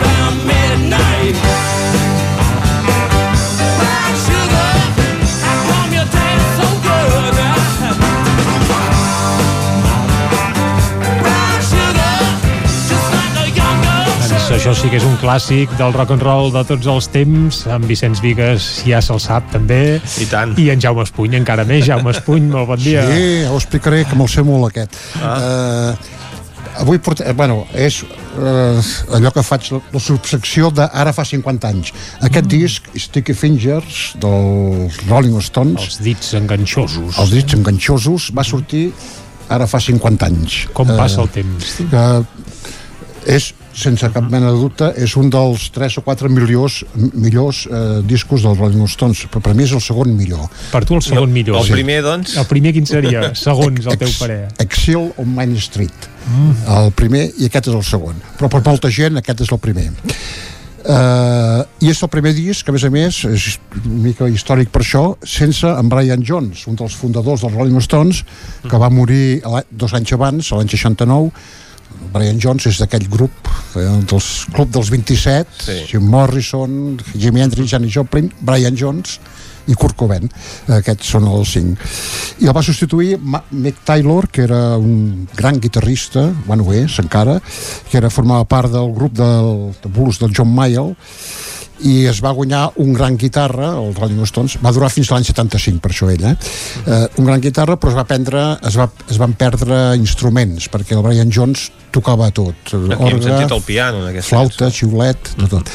exacte Uh, I a més a més també és història perquè uh, apareix per primera, per primera vegada el logo del Rolling Stones, aquest logo famós de, de la, de, de la, la llengua, llengua, la llengua... la ganyota aquesta que fa la llengua doncs, del Virgin és la primera vegada que sortia uh -huh. bueno, que es va, es va anar a conèixer aquest logo un gran encert no? en, la, en la trajectòria dels Rolling Stones perquè sí. van aconseguir que hi hagués un símbol que els identifiqués exactament, veus això? són els Rolling Stones mm. això és això avui en dia tothom és el primer que fa no? crear-se una imatge corporativa i, i els Rolling mm. doncs mira, va arribar en aquest, en aquest disc i van acabar doncs, fent fortuna sí, exacte uh, estem escoltant un altre tema d'aquest disc Bitch, que vol dir gossa que és força rapidet. Doncs va, escoltem una nova peça d'aquest disco del Rolling Stones.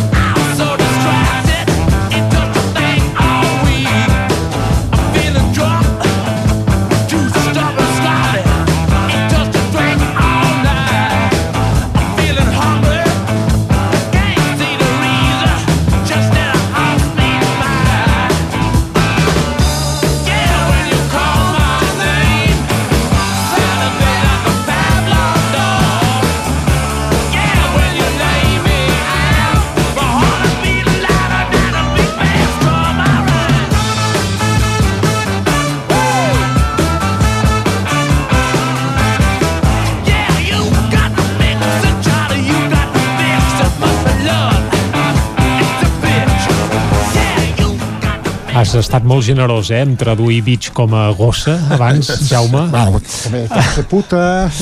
bueno, aquest tan famós Son of Bitch fill de puta. Bé, i a més pares l'orella una mica a la lletra, a la lletra i és... Ja, sí, sí. Bé, sí. Bé, tant bueno, és- són els seus tons, eh? Sí. Uh, encara és per una altra cosa és històrica aquest disc, és històric aquest disc, que és per la portada. Uh -huh. És, portada- és un disseny d'Andy Warhol, que li van pagar una milionada per fer-lo, més a més, que es veu l'entrecuix, diríem, d'un home, uh -huh. vestit amb texans, ben dotat per la banda dreta, es nota un, un bony aquí, eh, i el, en el disc de vinil Mhm. doncs la cremallera era de debò o sigui que la podies baixar i pujar. No sortia res de dintre però a, i a darrere La gràcia dels discs de vinils que i a la contra hi havia doncs, la banda de darrere, es veia el, el culet, no?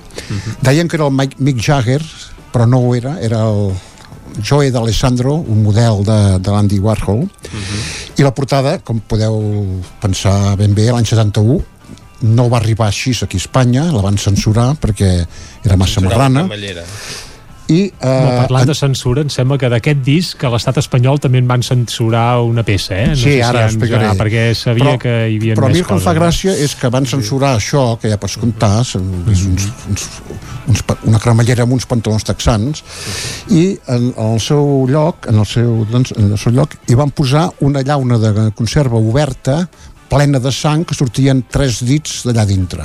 Una cosa força desagradable. Jo no sé si...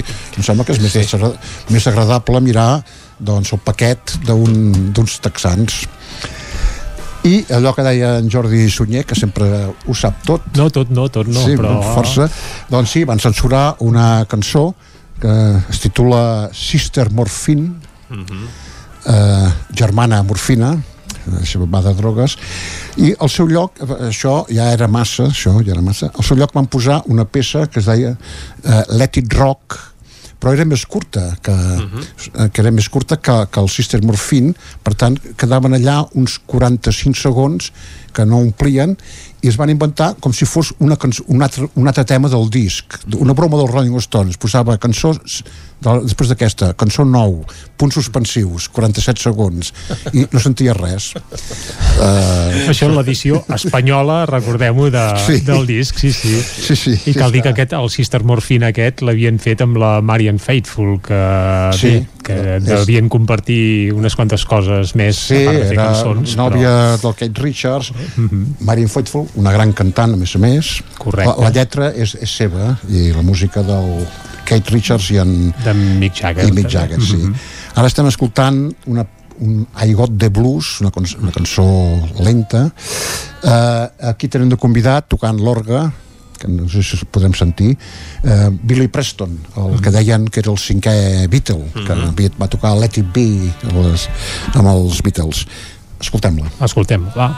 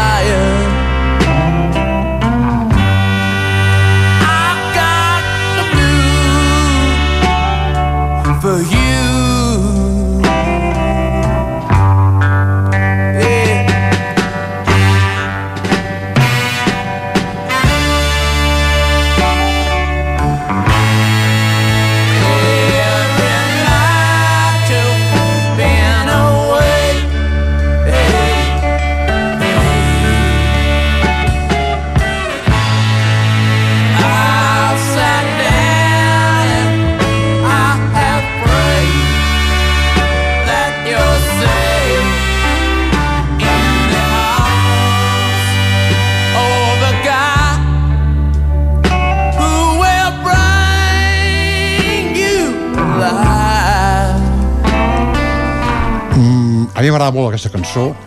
El Mick Jagger s'hi fa molt, a més a més. Però encara no s'ha acabat la història. Vull dir que per què és un disc històric el Sticky Fingers? no, per- Però ara ho farem amb una cosa més personal, meva, eh? Ah, val. A veure. És el primer disc que em vaig comprar de la meva vida. Eh? Ostres, això sí que és històric, Sí. doncs. El vaig comprar a Andorra. Andorra. Andorra. Per tant, no vas comprar l'edició espanyola. Tu tenies uh, No, l'edició... perquè a oh, oh, Andorra sí. tampoc hi havia l'edició bona. Internacional. Ah, carai. Vaig, vaig comprar l'edició censurada que eh, l'altre dia llegia que em paguen si tens el disc, em paguen força De l'edició censurada. la versió censurada, és clar però jo no el tinc, el vaig, quan vaig eh, comprar-me el CD i tot això, els, els vinils els vaig donar a Ràdio Candavànol encara, no sé si els tenen per allà encara o no Oh, serà qüestió de- Els vinils que- d'anar-ho a veure, eh? Sí. Perquè, Oh, i esclar, tant. i Però, a més més a aquesta més- edició. Sí. Això és Ah, una ah, peça de museu, Jaume. A Andorra em vaig comprar el, el primer aquest primer disc i el primer tocadiscos que em comprava també la història a Andorra vaig comprar Sticky Fingers i Paco Ibáñez a l'Olímpia de París aquests Carai. dos discos Dos grans discos. Clar, però de- primer va ser aquest, eh? Sí, primer vaig entrar a la botiga El vaig Paco va. Ibáñez a darrere, però Sí. el primer el Rolling i direu, oh, però ja es, passar un tocadiscos era... No és fàcil. Però jo tenia un tiet que era ex-guàrdia civil per tant hi vaig anar amb ell Ah, carai. I... Per tant, a la frontera no hi havia problema. Cap problema. Eh? Les coses funcionaven així i suposo que funcionen així també ara, no? No vam haver de pagar res, endavant, endavant. No? Hombre, és puni, tu pleci, no? És que, amb, amb aquest meu tiet eh, havia viatjat força amb el seu dos cavalls i Passava a de vegades el paraven per alguna cosa eh, no, xt, és guàrdia civil Home, per anar a Andorra devia ser un festival, aquest Sí. tiet, eh? Bé, bé. A aquella època el Kate Richards es va fer molt amic de Grant Parsons, que era també va morir, aquest va morir als 26 anys, va morir cap de 4, 3 o 4 anys, un gran... Ja havia portat, vaig portar un disc un dia Mm. que va tocar amb els, ve, amb els vers, Que seguir, seguir el ritme d'en Kate Richards eh, costa molt, eh? No, però no, no, però El va ser, va eh? ser al revés. Grant Parson eh, sabia molt de country rock. Bueno, és que més o menys és el creador, no? I va ensenyar a tocar country rock als Rolling Stones. A veure, bueno, va ensenyar, els hi va donar unes quantes idees, no? Ho comprovem. I, I aquí ho comprovem amb aquesta cançó, més o menys, que és Dead Flowers. Vinga, flors mortes. You think you're the queen of the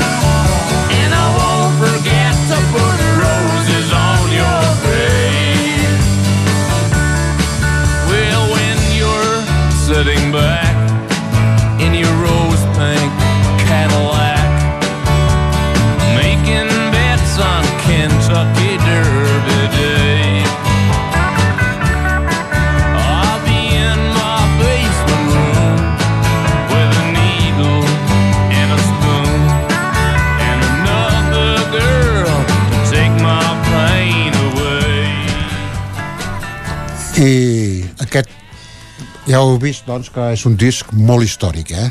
Molt històric. Fa 50 anys per això. Ah, 50 com passa el temps. Sí, és que són molt grans, eh? Bé, uns més que d'altres. Clar, si, di, si jo he dit que em vaig comprar el disc, eh, vull dir, em vaig comprar el primer, era el primer disc que em vaig comprar i fa 50 anys que va sortir, la gent es pot fer un, més o menys la idea, una idea de la meva edat. I no sé, això per acomiadar-nos, encara que en Jordi Sunyer m'ha dit que li agrada molt, a mi també m'agrada força, el Wild Horse, un tema, però uh -huh. potser que posem... Però vaja, no, no, posem el que tu vulguis, la, la, cançó, Qui, qui censu, mana? la cançó censurada, Sister Clar. Morphine, amb lletra de Marine Faithful, Uh -huh. una cançó no gaire comercial i molt, molt trista, perquè parla d'algú que s'està morint. Doncs escoltem la cançó censurada. Vinga. Coming round again. Don't think I can wait that long.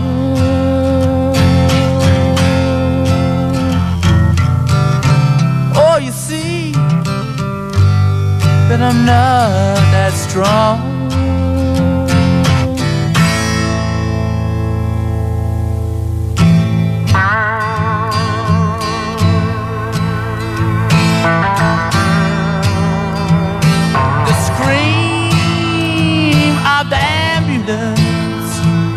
Is sounding in my ears. Aquesta és la cançó, Jaume, que quan et vas comprar el disc a Andorra no vas poder escoltar. No vaig poder escoltar, també. Però vaig tenir 47 segons de, de silenci. Sempre és alguna cosa. Això que dura bastant més, aquesta. És, eh, crec que, de les més llargues del disc. Eh? Sí, sí, sí, exactament. Uh, De Jaume, fet, va- van posar un tema en directe perquè acostuma a ser llarg, però tot i així no van omplir. uh, t'esperem la setmana que ve amb més clàssics d'aquests musicals que han fet història, sí? Molt bé, sí, tant. Doncs Jaume, moltes gràcies i Vicenç, nosaltres ara deixem sonar una mica aquesta Sí, peça censurada dels Avui hem Rolling parlat de Stones. cançons censurades i de cançons que porten a la presó. Sí, també, exacte. Espanya Ah. canvia ben poca cosa, malgrat els 50 anys que diferencien una cosa. Bueno, ara han pitjorat una mica. Sí. Ai, de mal en pitjor. Visca els Rolling Stones, va. El nou FM, la ràdio de casa, al 92.8. Can Xalant, moda i complements. Més que rebaixes, nova secció, tot a 10 euros. Moda home-dona, nen-nena, sabates, bosses de mà, maletes, complements i molt més. Sí, ho has sentit bé, tot a 10 euros. Vine a Can Xalant, ens trobaràs al carrer Sant Tomàs 4 de Call d'Atenes. També a Instagram i Facebook. A Vic, T52. Solucions personalitzades. Dissenyem i produïm màscares personalitzades per a empreses, clubs o col·lectius a partir de 10 unitats. Disposem de dissenys propis per a particulars. Aconsegueix fins a un 30% de descompte. T52. Ens trobareu al centre, al carrer 941 i també a l'Horta Vermella, al carrer Menéndez Pelayo 31. Més informació a t52.cat. Cocodril Club. Si t'agrada la bona música dels anys 60, 70 i 80, escolta el 9 FM als matins de dissabtes i diumenges d'11 a 1. És el temps del Cocodril Club, tot un clàssic de la ràdio, amb les bases del pop-rock, les llegendes, les cançons que s'han convertit en autèntics himnes. Recorda, dissabtes i diumenges al matí, d'11 a 1, al 9 FM 92.8. Cocodril Club, el programa revival de l'Albert Malla. Hasta luego, cocodrilo. Anuncia't al 9FM. La màquina de casa. 9 3 8 8 9 4 9 4 9. Publicitat arroba al 9FM.cat. Anuncia't al 9FM. La publicitat més eficaç. Només pensar en passar aquesta nit sense calefacció amb aquest fred? No es preocupi, hem analitzat a fons la caldera i de seguida quedarà reparada i en funcionament. Quan tingui un problema amb la seva caldera, vagi directament a la solució. Truqui sempre al servei tècnic oficial de Saunier Duval i despreocupis, perquè som fabricants i coneixem les nostres calderes peça a peça. Informis a Oficiat Nord trucant al 938860040. Saunier Duval, sempre al seu costat. La Fogonera, resistència gastronòmica. És un restaurant? És un rostidor? És La Fogonera, la cuina en directe des de GURB, on encarregues, ho vens a buscar i ara també t'ho portem a casa. La Fogonera, resistència gastronòmica. Ara, amb la fogonera de dia, amb aperitius, arrossos, segons plats i postres. I quan cau la nit, ens transformem en un popurri culinari. Búrguers, pizza, pasta... Truca al 93 851 55 75 o entra a lafogonera.cat. La Fogonera, el teu aliat gastronòmic. El 9FM, la ràdio de casa, al 92.8.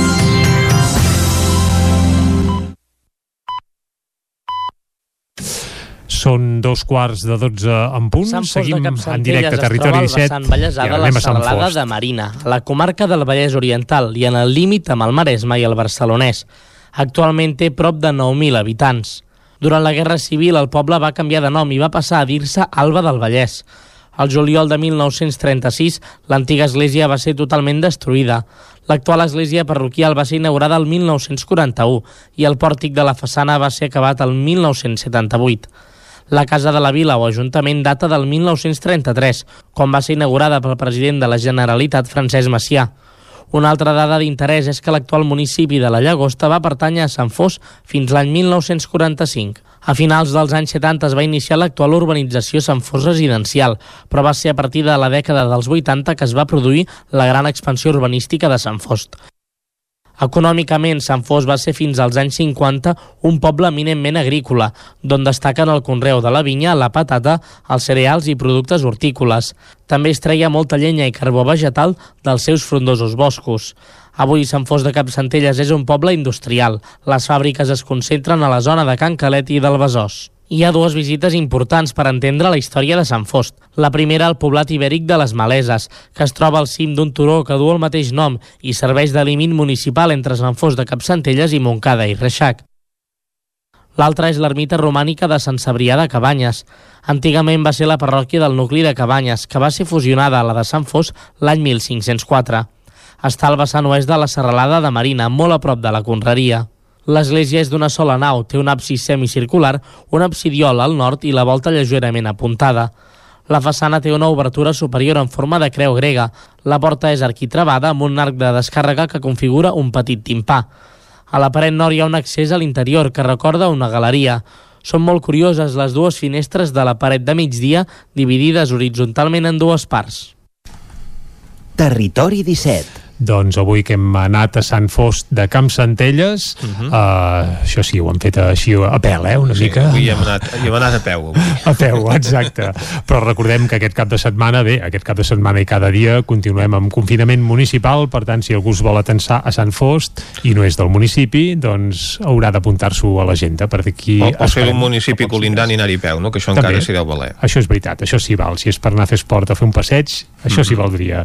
També podem anar a fer esport o fer un passeig cap a la R3, per sí, exemple, no? exacte. Un, és un esport de risc, precisament, anar cap a la R3. Sí, però vinga, està bé, una Intent- mica de risc. Intentem a tant. veure si sobrevivim. Doncs anem-hi, va. A Trenc d'Alba, edició pandèmia. Ara sense els usuaris que ens explicaven les seves desgràcies a la R3, però amb els mateixos retards i problemes de sempre. Benvinguts a Tren d'Alba. Ahir us vaig parlar de l'esperat desdoblament parcial de l'R3 a la sortida de Vic, que s'hauria d'engegar aquest any. En canvi, el desdoblament del tram entre Vic i Centelles ja són figues d'un altre paner, perquè en el pla de Rodalies està previst pel període de 2026 a 2030. I sí, si sabeu sumar, això són com a mínim 5 anys més d'espera, i en el pitjor dels casos, gairebé una dècada. El coordinador del pla de Rodalies, Pere Macias, va dir que mentre s'executin les obres al Vallès, s'avançaran els estudis informatius del tram usonenc, però no creu que els treballs comencin abans del previst. I ara resulta que no és un problema de diners, que semblaria que n'hi hauria, sinó d'afectacions, perquè Macias va recordar que durant els pròxims anys s'hauran de fer talls entre parets del Vallès i la Garriga, i no volen que el servei es debiliti més. Més encara, de fet, aquests plans tenen aquests tempos perquè Macias creu que són realistes, ja que fins ara tot es feia amb molta voluntat, però la paret de les tramitacions era massa alta per escalar-la, i sempre s'hi xocava. En fi, estarem atents a com avancen els esdeveniments. Va, ens retrobem dilluns amb més històries de la R3. Territori 17.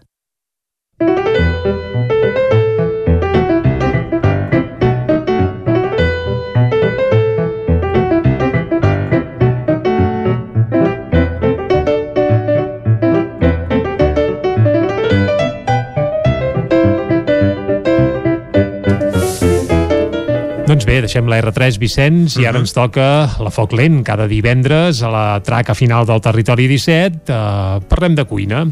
On anirem sí, senyor. avui? Doncs avui, i ara mateix que passen 5 minuts a dos quarts de 12, anem cap a una codinenca per conèixer la cuina conscient i saludable que ofereix l'Eva Vélez. Ella és una codinenca que ofereix plats per emportar, amanides, cremes, verdures, pasta, plats variats i, segons ella mateixa diu, a la seva web, amb gustos que ens han de recordar els sabors abans.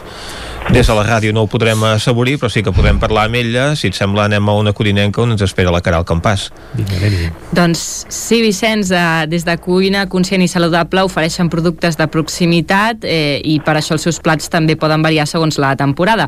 Però bé, per parlar de tot plegat més detalladament, tenim a la cuinera i impulsora del projecte Eva Vélez al telèfon. Uh, bon dia, Eva. Hola, bon dia a tots. Bon dia. Explica'ns, com i quan vas decidir començar aquest negoci de plats per emportar? Mira, jo ja fa molts anys que estic ficada en tot el que és l'alimentació, cuina, bueno, la cuina macrobiòtica, la cuina energètica, i de tot això fa molts anys que feia cursos i vaig decidir fa justament un any que volia fer alguna més, no? I vaig crear, o vaig intentar fer la cuina conscient saludable, que tot això és molt senzill, no? Es basa més que res en oferir una solució molt sana, ràpida, per gaudir d'un bon àpat, no? Sempre m'agrada molt recordar els sabors, no?, d'abans, no?, la cuina casolana de les nostres àvies, no?, I faig molta hincapié cada dia en aquest aliment, no?, que siguin cuinar mm, productes de quilòmetre zero, que siguin ecològics, que sigui una cuina ben cuinada des de, del xup-xup, no?, una cuina d'aquella que ens recordi els sabors, no?, i sempre que sigui en sana, equilibrada, a través de, pues, de el que ha comentat abans, no? les verdures, les llegums, el peix, no?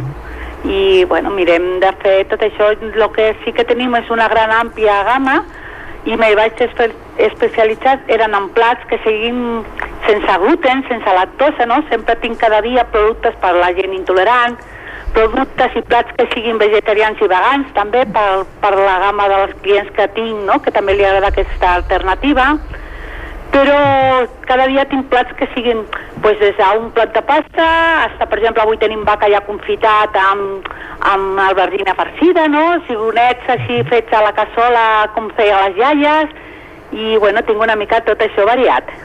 I, i com t'organitzes per poder gestionar les comandes de la cuina? No sé si tens tot un equip al darrere, perquè ens estàs explicant doncs, que hi ha moltes varietats de plats, hi ha plats per tots els gustos, per totes les intoleràncies, i tot això deu portar molta feina. pues, mm, no ho faig tot jo. Vaja. Sí, mira, Déu-n'hi-do.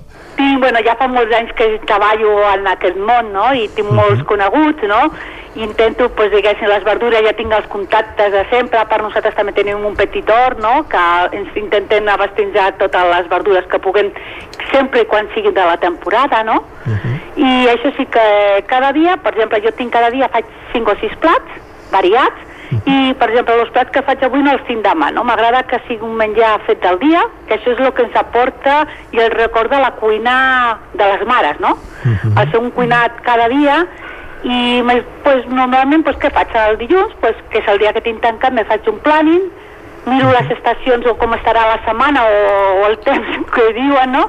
I des de a partir d'aquí, en els productes que tinc, pues, intento de fer un menú o uns plats que siguin adequats, tant al temps que tindrem com en els aliments que nos estan donant la- l'estació, no? Perquè és molt important per mi tinc, la, eh, diguéssim, els plats que siguin molt relacionats amb l'estació que tenim i els productes que es facilita la, diguéssim, la natura en aquest moment.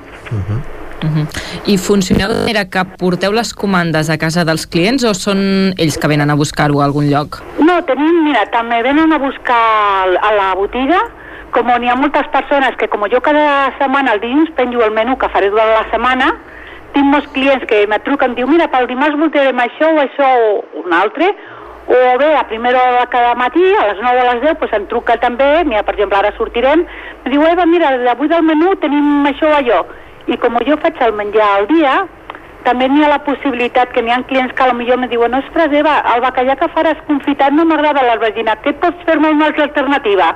I sempre intento també adaptar-me una mica dintre de la possibilitat que tinc al marge de poder arribar a clients, perquè n'hi ha persones que són hipertenses o tenen problema de sucre, doncs intento també pues, una mica adaptant-me de- al client me'l truca personal i intento fer-li un menú una mica aplicat a lo que ell necessita en aquest moment. O sigui que podem dir que fas un menú a, a la carta pròpiament i a més a més, doncs, tal i com ens comentaves, també hi han productes per vegetarians, per vegans, bé, una mica per tot. Sí, sí, l'únic que diguéssim que la meva cuina, jo el que no cuino en aquests moments, perquè clar, la cuina que jo d'on me derivo, eh, seria la carn, no? Però a part de la carn, tot el que sigui peix, bueno, moluscut, de tot, no? De tot el que més, cuino. El que sí que dona molta importància és, diguéssim, una... És el que sempre dic, no? A part de tot, pues, que tingui uns plats que siguin contundents, no? Vaig proposar ja fa uns dies, bueno, ja fa dies, el que, per exemple, que ha sigut com un plat estrella, no?, de la casa, ha sigut el record del plat de les iaies, no? Que és cada dia faig un plat con un preu una mica així simbòlic, que és 4,95, no? I és un plat de cassola, no? Un plat de, que jo d'abans, no? Per exemple, avui tenim cigrons estofadets en espinaques i carbassa. Ahir van tindre patates, per exemple, en corball, no? Intento que siguin plats que siguin de menjar, saps? Allò de, de cullera, no? A part de lo que tinguin cada dia. Uh, el vostre espai web, que és cuinaconscientsaludable.com, definiu la, la, la cuina que ofereixes com a energètica i macrobiòtica. Què, què vol dir això? Mira, mm, és el que faig, no? És, a veure, jo vaig adaptar-me a la cuina conscient saludable, però tot això n'hi ha una cosa, un, un ampli darrere, no? Que jo vaig començar a estudiar el que era la cuina energètica, va ser per temes també de salut i coses, no? Ah, Llavors ens trobem que la cuina energètica és una cuina mm, molt simple, no és una cuina que treballa a les estacions, diguéssim, a la tardor, a, re- a la vegada intentem, en aquesta estació es deriva uns, diguéssim, uns òrgans del cos, van relacionats en cada estació, i fem la cuina que treballi eh, tota una relació, no? Tota la cuina energètica i macrobiòtica ve darrere de la cuina xi, de la medicina xinesa, no? Ah, llavors n'hi ha una mica endarrere. El que passa que jo tot això lo vaig aplicar a una cuina més simple per poder, a través de la meva cuina, poder arribar a tothom i poder-los ajudar a la seva salut i que cada dia tinguéssim, o quan la persona ho vol, un plat que sigui mm, pues que li aporti totes les propietats, no? Per exemple, jo la cuina meva és molt simple, sols n'hi ha una cuina no tinc, i un forn no tinc res més, no? perquè és una cuina que recorda molt la d'abans, no? solament cuino en, en cassoles de fang, cassoles de ferro colat, és una cuina molt cuinada, qualsevol plat és, treballa molt l'energia del foc, diguéssim, és el temps, la flama, a poc a poc, el xuxuc, és una cuina així molt cuinada així, no? Intento no fer gaires greixos, tot és una, una cuina molt, diguéssim, com diguéssim, seria com una cuina medicinal terapèutica, no? Més o menys.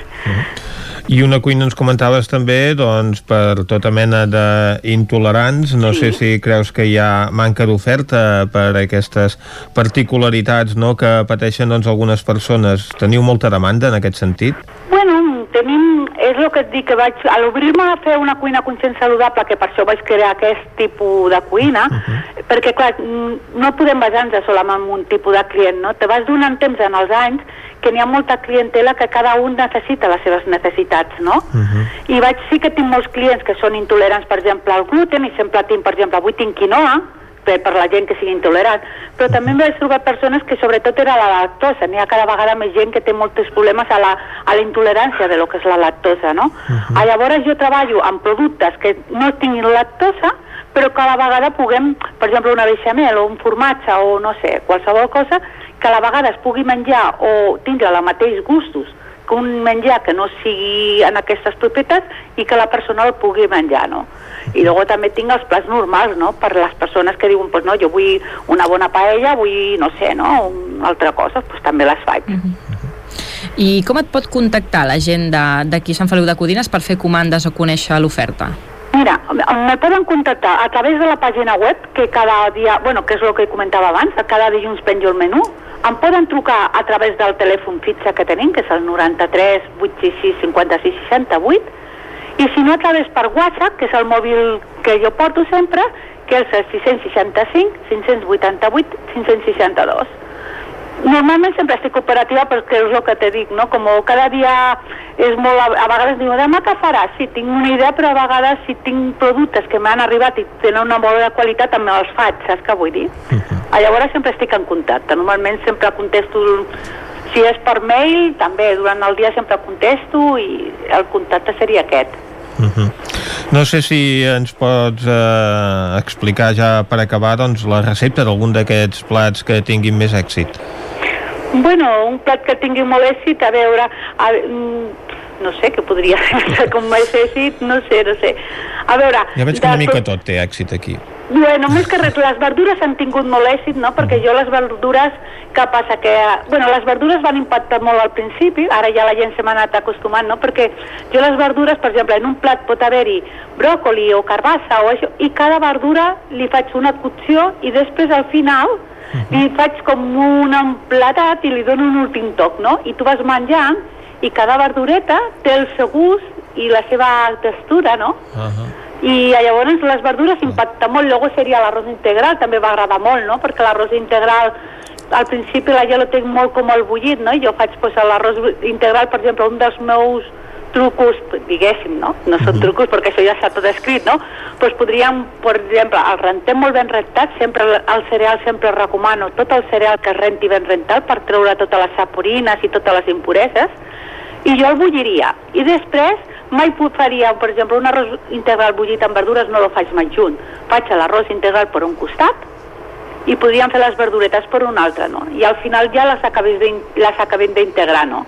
És molt important que les verdures no estiguin gaire cuinades perquè perden tots els minerals i les propietats. Molt bé, Eva Vélez, doncs moltes gràcies per acompanyar-nos des de Cuina Conscient i Saludable. Aquesta és la web on podem contactar amb ella, cuinaconscientsaludable.com. Moltes gràcies per la recepta, moltes gràcies per acompanyar-nos i endavant amb aquesta iniciativa. Vale, moltíssimes gràcies a vosaltres. Doncs avui en aquest a Foc Lent hem parlat des d'una codinenca amb eh, l'Eva Vélez. Ara nosaltres el que farem és un repàs a les activitats que podem dur a terme aquest cap de setmana.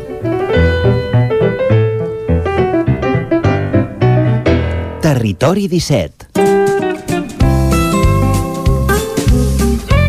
Doncs ara que ja tenim la gana feta i més després de parlar de cuina, això passa sempre, encara és d'hora, eh? No són, vaja, tres quarts i dos minuts de dotze, però jo ja jalaria alguna cosa. Bé, ara és una hora punta també per la l'Eva per fer, preparar tots els menús d'avui. Clar, evidentment, bé, per l'Eva i per tants i tants uh, Mhm. cuiners d'arreu del territori, no només 17, sinó mundial, que exacte, es molen les eines de cara al dinar i bé, com que dinar encara s'hi pot anar, uh, això de moment les restriccions fan que encara puguem anar a recollir dinars per endur i fins i tot dinar al restaurant, eh? que això ja sembla un luxe en els temps que corren, però no parlarem de propostes culinàries, suposo, sinó que ens n'acostaran d'altres, propostes per fer aquest cap de setmana, de nou recordem-ho, eh, només en podreu gaudir si sou del municipi on es programa l'activitat en qüestió, però vaja, sigui com sigui, aquí a Territori 17 els divendres sempre acabem fent un repàs a l'agenda del cap de setmana i avui, Vicenç, ho arrenquem a on? Doncs anem a Ràdio Cardedeu amb l'Òscar Muñoz perquè ens expliqui què és el que hi ha previst en els propers eh, dies. Bon dia, Òscar. Bon dia. Hi ha moltes doncs sí, activitats. repassarem el, el menú aquest del Vallès sí? de propostes culturals, que no són moltes, però bueno, repassarem també eh, al- algunes altres, com que avui comença el cicle de jazz de Granollers, uh -huh. el 31è cicle de jazz, amb la Rita Pallés i el Martí Serra Quartet a les 8 del vespre, on ens presentaran el seu nou àlbum Songs Nina Sang, un petit, un petit homenatge a la cantautora americana Nina Simone a Mhm. través del jazz, del soul i del blues. I les entrades es poden adquirir de forma física a la, a la taquilla del casino de, de Granollers abans, bueno, fins a 30 minuts abans de, de l'hora del concert. Avui també a dos quarts de nou tenim un concert de la Non Jambi, eh, aquesta artista de Granollers, eh, doncs que ens, a la sala 9 eh, ens acompanyarà amb un ukulele i, ens, i ens acompanyarà amb la seva veu també ca- característica, que és una miqueta així trencada, i ens farà cançons pròpies i, i versions. Demà a Granollers queda anul·lada com cada setmana quasi, la Fira de Brocanters, però nosaltres la recordem que queda anul·lat per si hi ha algun mena de dubte. Doncs això, anul·lada la que està situada a la plaça eh, Josep Maluquer i Salvador. Tot i que la gent de acabar- Granollers hi podria sí. anar doncs, tranquil·lament a aquesta I fira. podria- Ah, si no es Bueno, fa... no, no. no, Si no- si no es fa, però si es fes, hi podrien anar. dir, Tranquil·lament sí, sí, no sí. podrien anar. Sí. Sí, sí. I per acabar, diumenge, a Llinars, a les 12 de, del migdia, a la, a la, just a, la, a les escales de l'església, tenim l'espectacle The Frame, dins del Festival Zero, aquest festival on ens porta el teatre més, més a prop de nosaltres, i ens proposen aturar-nos davant del transcurs de la vida urbana, encara que sigui un poble, doncs hi ha molt, molta vida a Llinars, i doncs això, observar la gent i ens faran com una petita espectacle sobre això, just al centre del poble. Mhm. Molt bé, doncs Òscar, si això és tot ho deixem aquí i nosaltres el que fem és anar a una codinenca de nou amb la Caral Campàs. Bon dia, Caral. Doncs tampoc. Hola, bon dia. Ara sí, ara sí que escoltem a la Caral. Estava esmolant les eines pel dinar, eh? Avui Sí, ens ha fet tenir gana abans que- d'hora, segur, segur.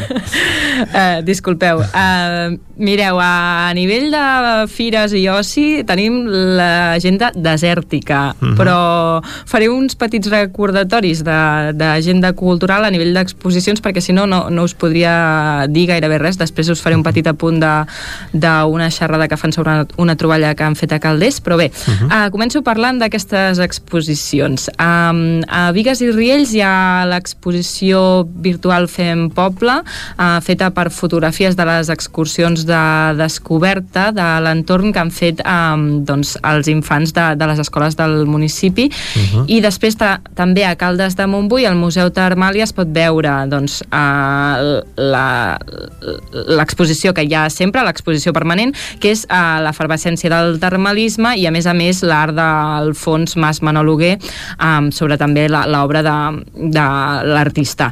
I, a més a més, a Caldes de Montbui hi ha al casino, a l'Espai d'Art, eh, l'obra de fotografies de 25 anys de catifes de flors a Caldes, que a Caldes perdó, que ha organitzat Acció Cívica Calderina. I doncs us apuntava eh, que a Monistrol de Calders eh, fan aquest dissabte a partir de les 11 del matí fan una visita guiada al jaciment de la Llandriga amb, a càrrec d'Òscar Trullàs, que és l'arqueòleg director d'aquesta excavació.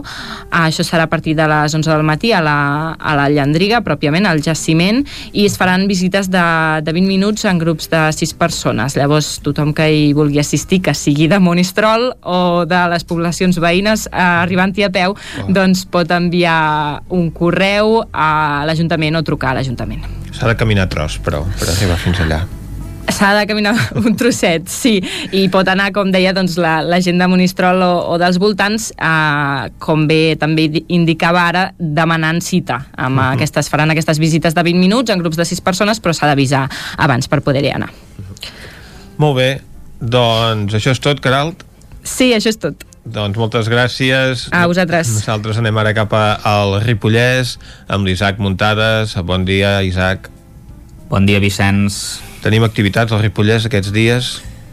Eh, D'activitat d'oci també estem com en el cas d'Ona Codinenca, la tenim desèrtica, però el que sí que tenim és, us recordaré també eh, una activitat eh, cultural, primer de tot que no vam poder dir l'altre dia que, que s'ha afegit, que és, bueno, en, en col·laboració l'Ajuntament de Ripoll amb la Diputació de Girona, doncs eh, s'ha fet l'exposició de Carles Rahola, una vida republicana, que es pot veure des d'ahir dijous fins al pròxim 28 de febrer, per tant, durant un mes al Museu Etnogràfic de Ripoll, i que bàsicament eh, ressalta la història de- d'aquesta persona, que va ser periodista, com sabeu, historiador i també activista cultural, i és una exposició que es pot visitar de dimarts a dissabte de 10 del matí a dos quarts de dues i de 4 a 6 de la tarda i els diumenges i festius de 10 del matí a 2 de la tarda.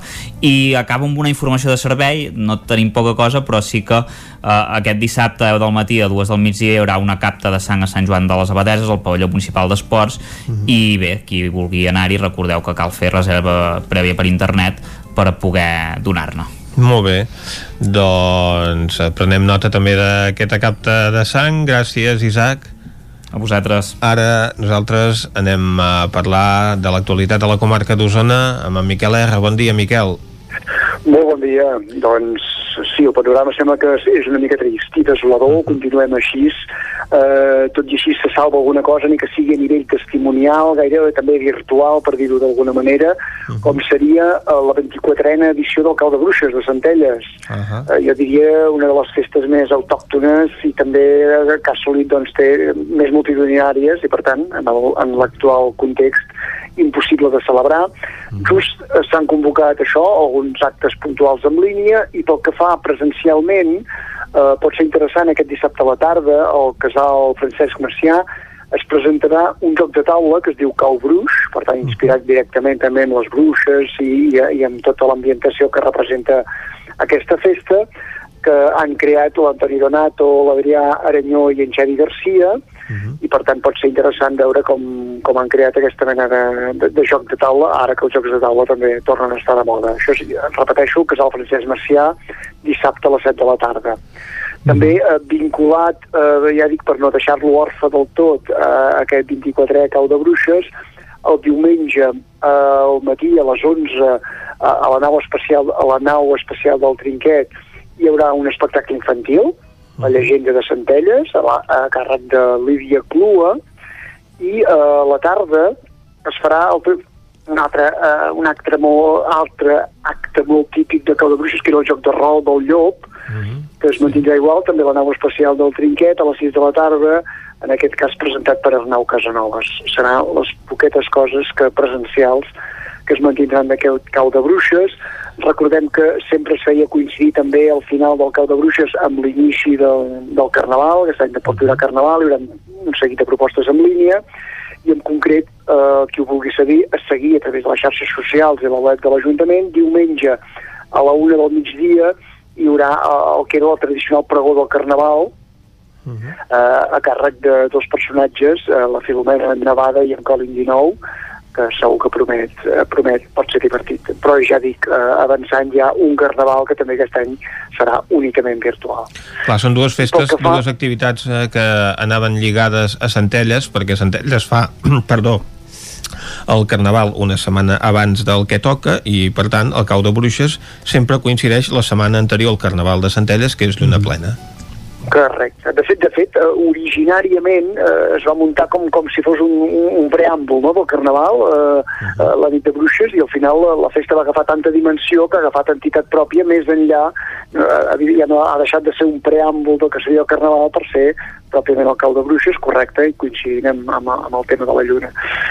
L'altra proposta que no podrà ser aquest cap de setmana és, eh, aquests dies eh, ho dèiem, mm, toca, tocaria estar celebrant festes dels tonis, eh, una de les més, però també de les més arrelades la festa dels tonis de Santa Eugènia, que tocava aquest cap de setmana, han mantingut algun acte també simbòlic, com per exemple el concurs de dibuix, que s'ha fet just intern eh, a l'escola, s'ha editat igualment a la revista, on s'hi recorda, per exemple, la figura de, eh, del, del desaparegut d'Antió, una de les ànimes d'aquests últims anys, però eh, des de l'entitat no descarten en les properes setmanes, en funció de com avancen les mesures també que es vagin establint sanitàries, poder convocar ni que sigui simbòlic el que seria el seu 132è passant, que recordem que ara ja fa 10 anys eh, que va rebre, diguéssim, la credencial de festa tradicional d'interès nacional.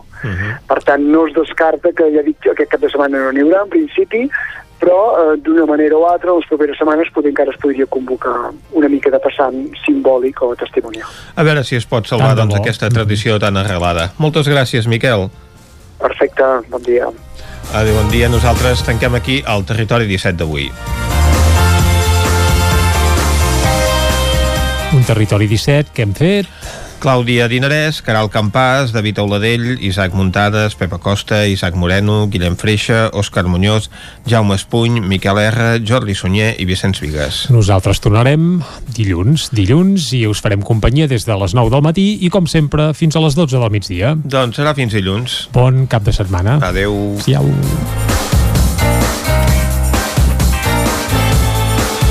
Territori 17, un magazín del nou FM. La veu de Sant Joan Ona Codinenca i Ràdio Cardedeu amb el suport de la xarxa. El nou FM.